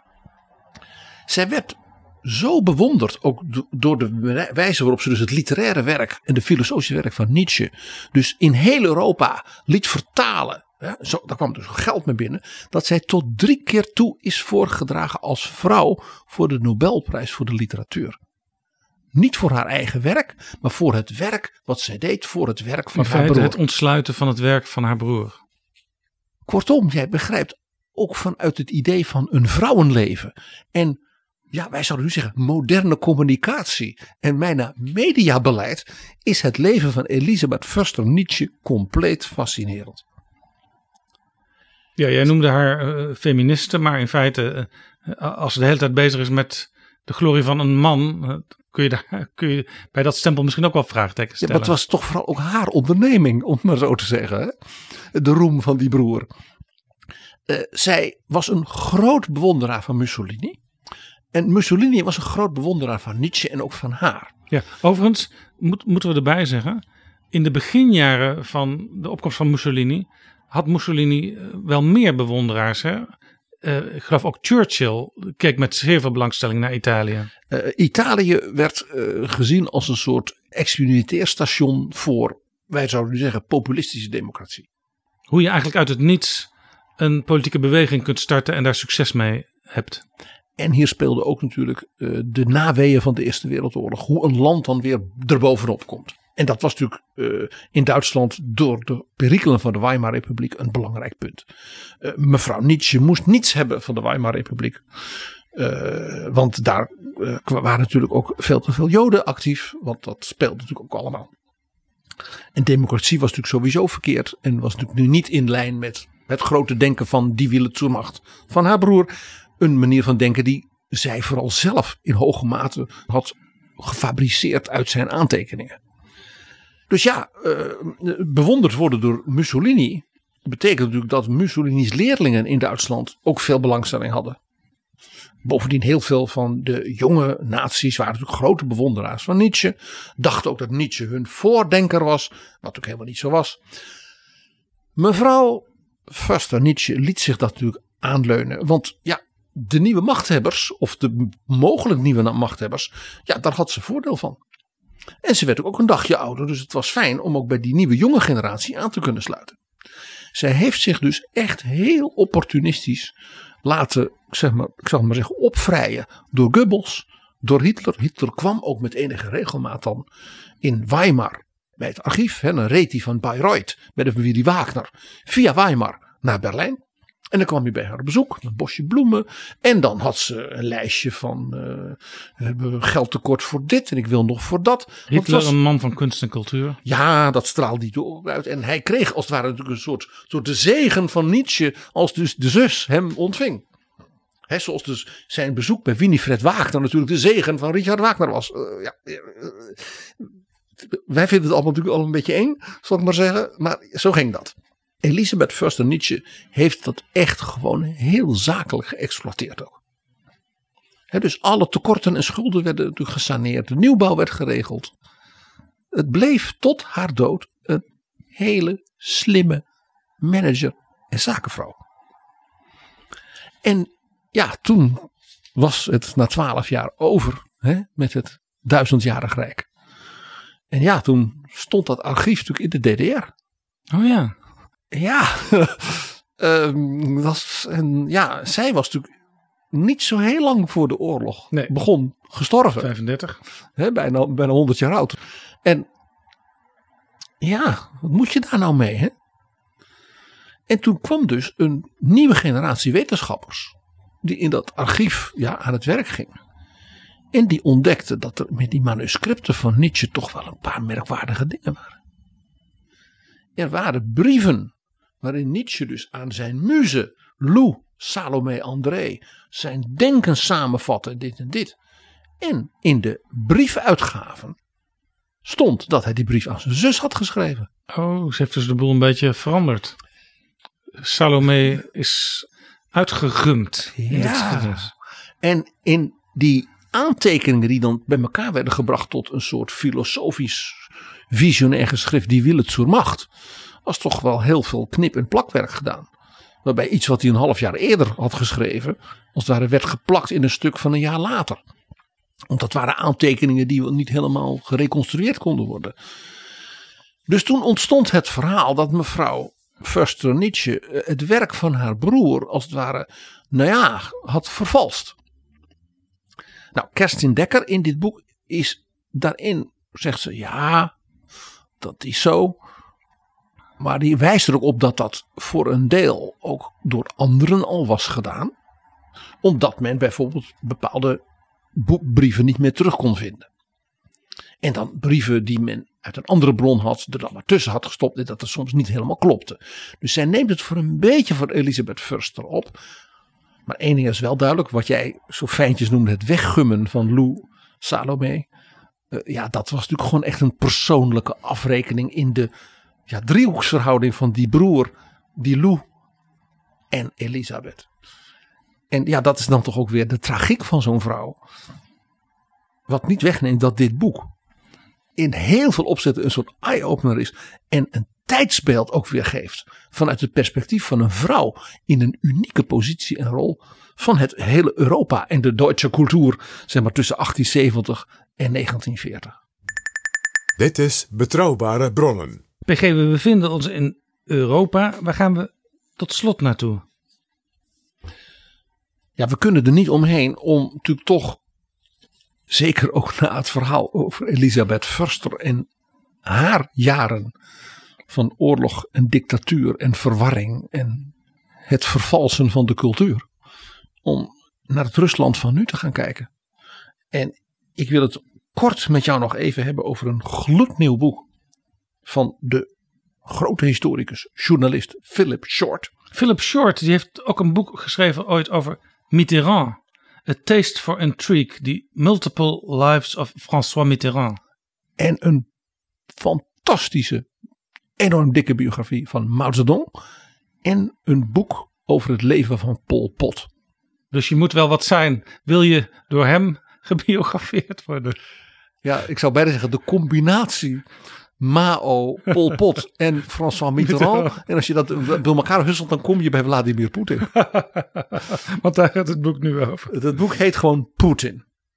830 pagina's, gebaseerd op ruim 200 interviews. Met alle mogelijke mensen en enorm ook archiefonderzoek. En hij doet iets magnifieks, ja. Wat hij doet is dat hij zegt, Poetin heeft een analyse van waarom Rusland en de Sovjet-Unie ten onder zijn gegaan. We hebben dat in betrouwbare bronnen in het afgelopen seizoen meerdere keren, ook naar aanleiding van die speech, weet je wel, die op de televisie hield, geprobeerd te analyseren. Philip Short zegt: neem nou eens gewoon serieus wat Poetin daar zegt. Dit vindt hij dus. Dan is het van belang, als dat het kader is van waaruit hij denkt, om dan wat hij doet ook vanuit dat kader te analyseren. En niet te zeggen, ja, dat is een beetje een raar idee. Ik ga nu wat hij doet, of ik ga het Rusland van nu analyseren vanuit mijn blik. Hij zegt, nee, doe het nou kruip nou eens in het hoofd van Vladimir Poetin. Wat dus best lastig is, want we hebben het natuurlijk al vaak over Poetin gehad. Hij wisselt ook nog alles van historische context, Poetin zelf, waarom die dingen doet. En Short beschrijft dus Poetins leven, waarin hij die contexten als het ware inderdaad één voor één volgt. En ook zegt, die context is dan misschien twintig jaar later door anderen wat vergeten, maar daarom is het bij Poetin nog niet. Dat Poetin een soort straatjonge hooligan was in de achterbuurten van Sint-Petersburg. Die Vladimir Poetin is er vandaag ook nog. Ja, hij schrijft ook in die achterbuurten van Sint-Petersburg sommige van de vriendjes van Poetin uit die jongenstijd, die zijn de criminaliteit ingegaan. Ja. En anderen kwamen via de criminaliteit, via de maffia, weer bij hem langs toen hij gemeenteambtenaar was. We hebben dat toen we het boek van Catherine Belton, Putin's People, behandelden, ook aan de orde gehad. Het boek van Philip Short is in dat opzicht een. Klinkt onaardig. Rijker boek dan Catherine Belton. Catherine Belton kijkt echt naar Poetin in zijn netwerk. Is een fantastisch boek. Short zet hem nog meer in de geschiedenis van Rusland en de Sovjet-Unie. En zeg maar de, de ontwikkeling daarvan. Hij wijst er dus ook op dat die kant van Poetin, die wij niet zo zien, die dus te maken heeft met hoe hij die ondergang van de Sovjet-Unie en het Rusland van nu en het, het Make Russia Great Again, als het ware, uh, hoe die dat beleeft. Dan zegt Short, let op dat af en toe bij Poetin dat masker van de president en de staatsman afvalt. de Poetin, zoals wij die hebben laten horen recent in betrouwbare bronnen, die prachtige toespraak in goed Duits in de Bondsdag in 2001. over de vriendschap van Duitsland en Rusland en de banden eeuwenoud van de cultuur. Dat hij zegt, ja, die Poetin is er en die is ook Poetin. Maar er is ook een andere Poetin. Dat is als hij met wereldleiders praat over Rusland en de ontwikkeling van Rusland. En het feit dat bijvoorbeeld die Baltische landen, Georgië, Oekraïne helemaal niet bestaan. En daar praat hij dus over met mensen als Merkel, als uh, Tony Blair, als George Bush, als Obama. En we zien dat dus nu in zo'n tv-toespraak ook weer. Oekraïne bestaat helemaal niet. En een land dat niet bestaat, dat kun je dus ook geen oorlog tegen voeren. Ja. Dat, dat, dat neem je gewoon in. Heel interessant is dat klasgenootje van Poetin die vertelde aan Short dat hij toen al heel erg uit was op het nemen van risico's. Dat trok hem aan. Daar werd hij bij spreken geil van als jongetje. En uh, in het hele onderzoek van Short kreeg hij op een gegeven moment een soort beeld. Het boek is net verschenen op het moment dat, dat Poetin Oekraïne binnenviel. Ja, er is een slothoofdstuk waarin hij als het ware vanuit die hele analyse. Hè, hij was als het ware bijna klaar. Ja. Dat hij toen ineens. Dat hij zegt, in die, oorlog, die speciale militaire operatie in Oekraïne. Die kan ik nu analyseren vanuit Nou. dus wat ik nu heb. Want Short schrijft.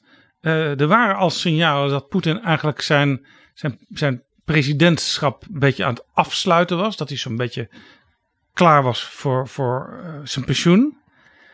Maar, ze, schrijft Short, er was nog één stukje eh, van alles wat hij van plan was, wat nog niet klaar was. En dat was Oekraïne. Exact. En dus daar ook het masker afvalt. Er zit in dit boek één passage. En het mooie is dat Shorty, ja, die heeft hij dus opgenomen. Nog niet wetend, ja, hoe veelzeggend dit zou zijn voor wat er nu gebeurt. Als wij nu werkelijk dagelijks, ja, aan ons zien voorbij trekken. En dat is in de zomer van 2008 terwijl de Olympische Spelen in Beijing worden geopend en alle wereldleiders ja, bij elkaar zijn bij hun grote vriend Xi Jinping hè, op, de, op de tribune zitten, valt het leger van Rusland Georgië binnen in de Caucasus. De westerse leiders hadden de Georgische president, bekend in Nederland als de echtgenoot van een mevrouw uit Zeeland, gewaarschuwd. U bent bezig met een suicidaal soort provocatie eh, van Rusland. We begrijpen dat u. eh, hè, Georgië Nou, sterker, wil, maar Jaap moet het zo niet Scheffer- doen. Jaap Doop Scheffer had het erover in onze aflevering toen hij kort geleden te gast was. Hij belde Saakashvili en waarschuwde hem, maar Saakashvili luisterde niet. En dat deed de hoopschrijver natuurlijk niet in zijn eentje. Dat was natuurlijk op verzoek van Merkel, Sarkozy, Bush enzovoort. Van Jaap, bel jij nog een keer een Nederlander. De vrouw van die man is een Nederlandse. Misschien dat hij naar jou wel luistert. Dat, dat zo, werken die dingen ook op, op dat internationale niveau. Dus die wereldleiders zitten in Beijing en denken, mijn hemel. Er moet nu iemand naar Moskou. En die moet die Poetin tot de orde roepen. Want we moeten voorkomen dat er een complete ja, oorlog daar in die Caucasus ontstaan. He, dan zit dus, denk de olie van Azerbeidzjan. Iran speelt daar. Turkije speelt daar. Syrië. Nou, dat is natuurlijk een, een, een, kruidvat. Op dat moment was Poetin premier. De president was Medvedev. Dus men zei, we moeten iemand hebben die met Medvedev kan praten. En men besloot, dat is Nicolas Sarkozy. Want mevrouw Merkel kan beter hè, als kanslerin en die is dus premier met Poetin praten. Maar op het niveau, op het allerhoogste niveau, want zo dacht men natuurlijk op dat moment. Dus Sarkozy vliegt naar Moskou. En die meldt bij de staf van Medvedev, ik kom. Maar ik keer onmiddellijk terug, desnoods onderweg. Als jullie niet tijdig stoppen met de opmars van de tanks naar de hoofdstad Tbilisi. Ja, want in feite zou dat een soort collaboratie zijn als je op zo'n moment gewoon rustig in het Kremlin komt praten. Ja, en dan zegt van ja, helaas hebben jullie Tbilisi die, die president gevangen genomen. En, nou ja, en sturen met zijn vrouw maar naar Holland. Hè, dan, ben je als president van Frankrijk ook namens de collega's natuurlijk nergens meer. Sarkozy heeft dus verteld dat een uur voordat zijn vliegtuig zou landen in Moskou. Het seintje kwam, eh, ze zijn uh, ze hebben aan de stadsrand van Tbilisi stil gaan staan. Dus hij komt in het Kremlin aan en wordt ontvangen door Medvedev. En die zegt, ja, de premier Poetin komt ook zo. Dus dat maakte meteen duidelijk hoe de verstandhouding was. Medvedev, hoewel staatshoofd, kon niet zonder de premier Poetin met een ander staatshoofd praten. De verhoudingen waren duidelijk. Poetin komt binnen. En die begint te schelden. En die zegt: Ik ben een rotstemming. En uh, dit en dat. dat. En Sarkozy hoezo? Ja, ik heb, mijn brug lag eruit. Ik heb dus de hele ochtend was ik bij de tandarts. Ik heb overal pijn. En, uh, en dat. en Poetin die gedroeg zich dus echt als een. Een hooligan. En die heeft dus begon te schelden op Georgië en alle Georgiërs en dieven en nou ja, alle, zoals Philip Shore schrijft, het was dus de straatjongen uit de achterbuurten van Sint-Petersburg en de KGB er in één, die daar dus hun nummers had op te voeren tegen die Sarkozy en in feite ook tegen Medvedev om te laten zien, jullie zijn alle twee helemaal niks. Ik zit achter de knoppen en wat ik wil gebeurt. Dus Sarkozy probeert af en toe te interrumperen en wordt afgesnauwd. Die zegt na een uur: Moet je eens horen. Ik ben hier gekomen om te proberen nog enigszins tot herstel van verhoudingen te komen. Ik ben niet gekomen om mij te laten dit soort gore taal te horen over andere uh, wereldleiders. En over uh, uw opponenten en wat dan niet. Ik heb hier genoeg van, ik ga naar huis. Sarkozy stapt op, pakt zijn jasje wat hij over de stoel had gehangen. Medvedev staat op, Poetin staat op en zegt nee, nee, nee, nee, nee, nee, nee, nee, nee, nee. Uh, Poetin zegt ik heb last van kaak, dat doet ook zozeer. Ging je eens een beetje zielig zitten doen. Dus Sarkozy zei ik wil gewoon nu tot afspraken komen, want dit kan zo niet. Ja. Maar Poetin zegt ja, dat is goed. Maar die Georgisch, en die begint dus gewoon weer zo'n scheldkanade en zegt dan ineens, die Saakashvili, ik ga hem ophangen aan zijn ballen. Op dit soort taal. Ja, hij zegt dus eerst nee, nee, we gaan nu tot afspraken komen. Het eerste wat je doet is gewoon weer doorgaan. Dus gewoon nog een keer laten zien, er gebeurt wat ik wil hier. Dus echt heel dominant gorilla gedrag. Ja, je ziet ook dat uh, Poetin dus heel impulsief tekeer kan gaan. Dan wel dat het heel berekenend is. Toen ik dit las, dacht ik, dit is die hond die hij bij zich had toen Merkel kwam. Ja, ja de hond waar Merkel liever niet mee geconfronteerd werd. Dit is gewoon dominerend intimideergedrag. Kijken hoe ver ik kom. Sarkozy heeft gezegd van. We zouden toch. Ja, wat doe je nu, Vladimir? En ik lees nu letterlijk voor uit het boek, want het is te leuk om het niet letterlijk helemaal voor te zeggen. So your dream is to end up like Bush, detested by two-thirds of the planet. Vanwege Irak. Ja, dit was natuurlijk de zomer van 2008, dus toen was de campagne van Obama en McCain al gaande. De, Bush was natuurlijk helemaal de lame duck president van dat moment. Waarop Poetin even, en die begint te schateren. Sarkozy raakt iets en die zegt, oké, hier scoor je een punt. En op dat moment had Sarkozy een doorbraak.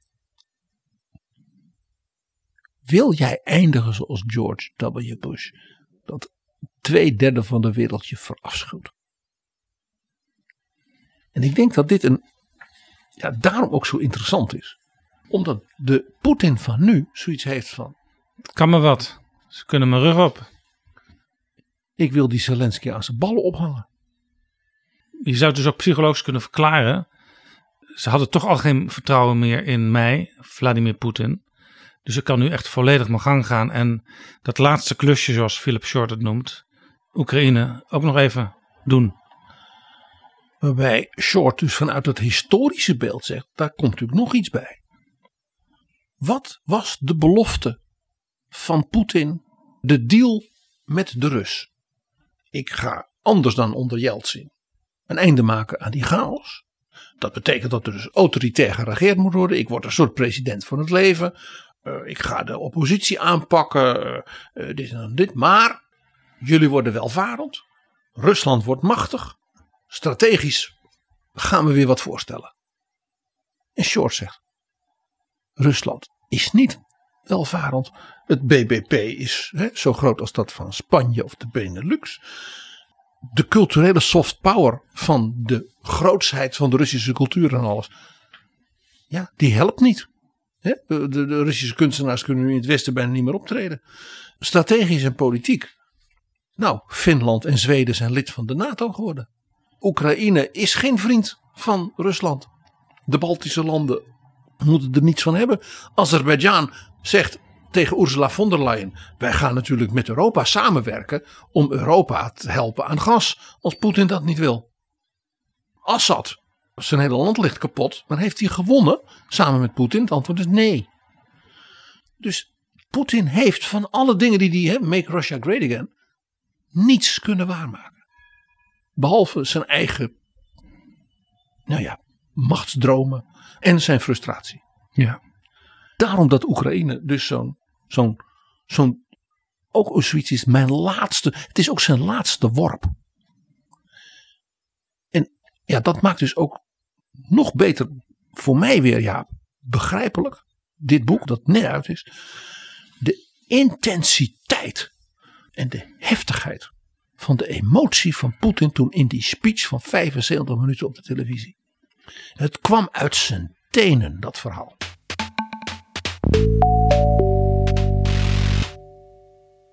PG, dit waren zeven boeken. Dus ik denk dat onze luisteraars wel weer even vooruit kunnen. Uh, voordat we eind augustus met een heel nieuw seizoen van Betrouwbare Bronnen van start gaan. Maar we waren in Rusland en we hadden het even ook over die soft power hè, van de Russische cultuur.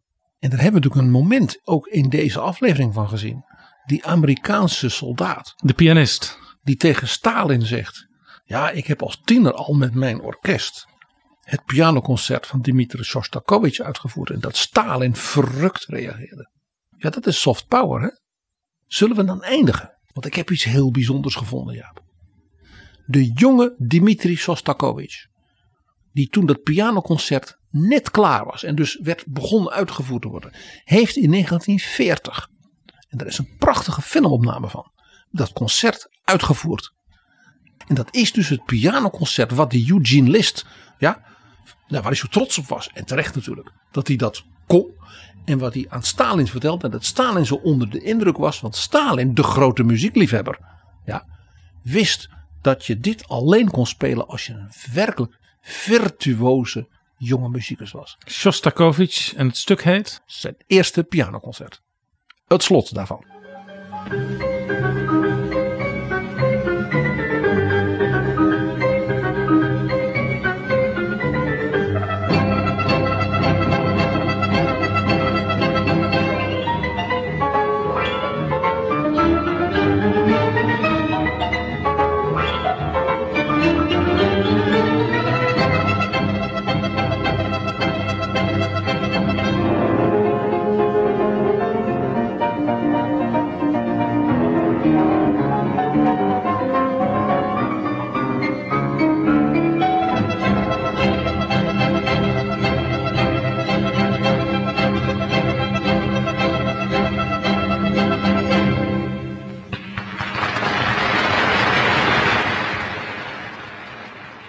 Dat was Shostakovich. Dmitri Shostakovich.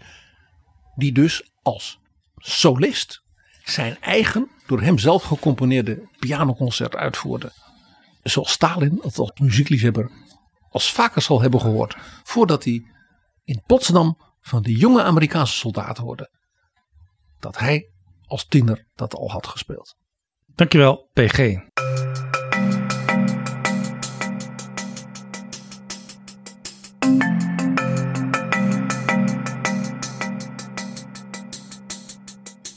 Zo, dit was Betrouwbare Bronnen, aflevering 286. Ik dank alle luisteraars en ook alle vrienden van de show. En wil je ons helpen het nieuwe seizoen goed van start te gaan? Word dan nog snel even vriend van de show als je het nog niet was. Ga daarvoor naar vriendvandeshow.nl slash bb. En nog een prettige vakantie. En jij ook, PG. Dankjewel Jaap. En een groet aan al onze vrienden en luisteraars. Tot de volgende keer.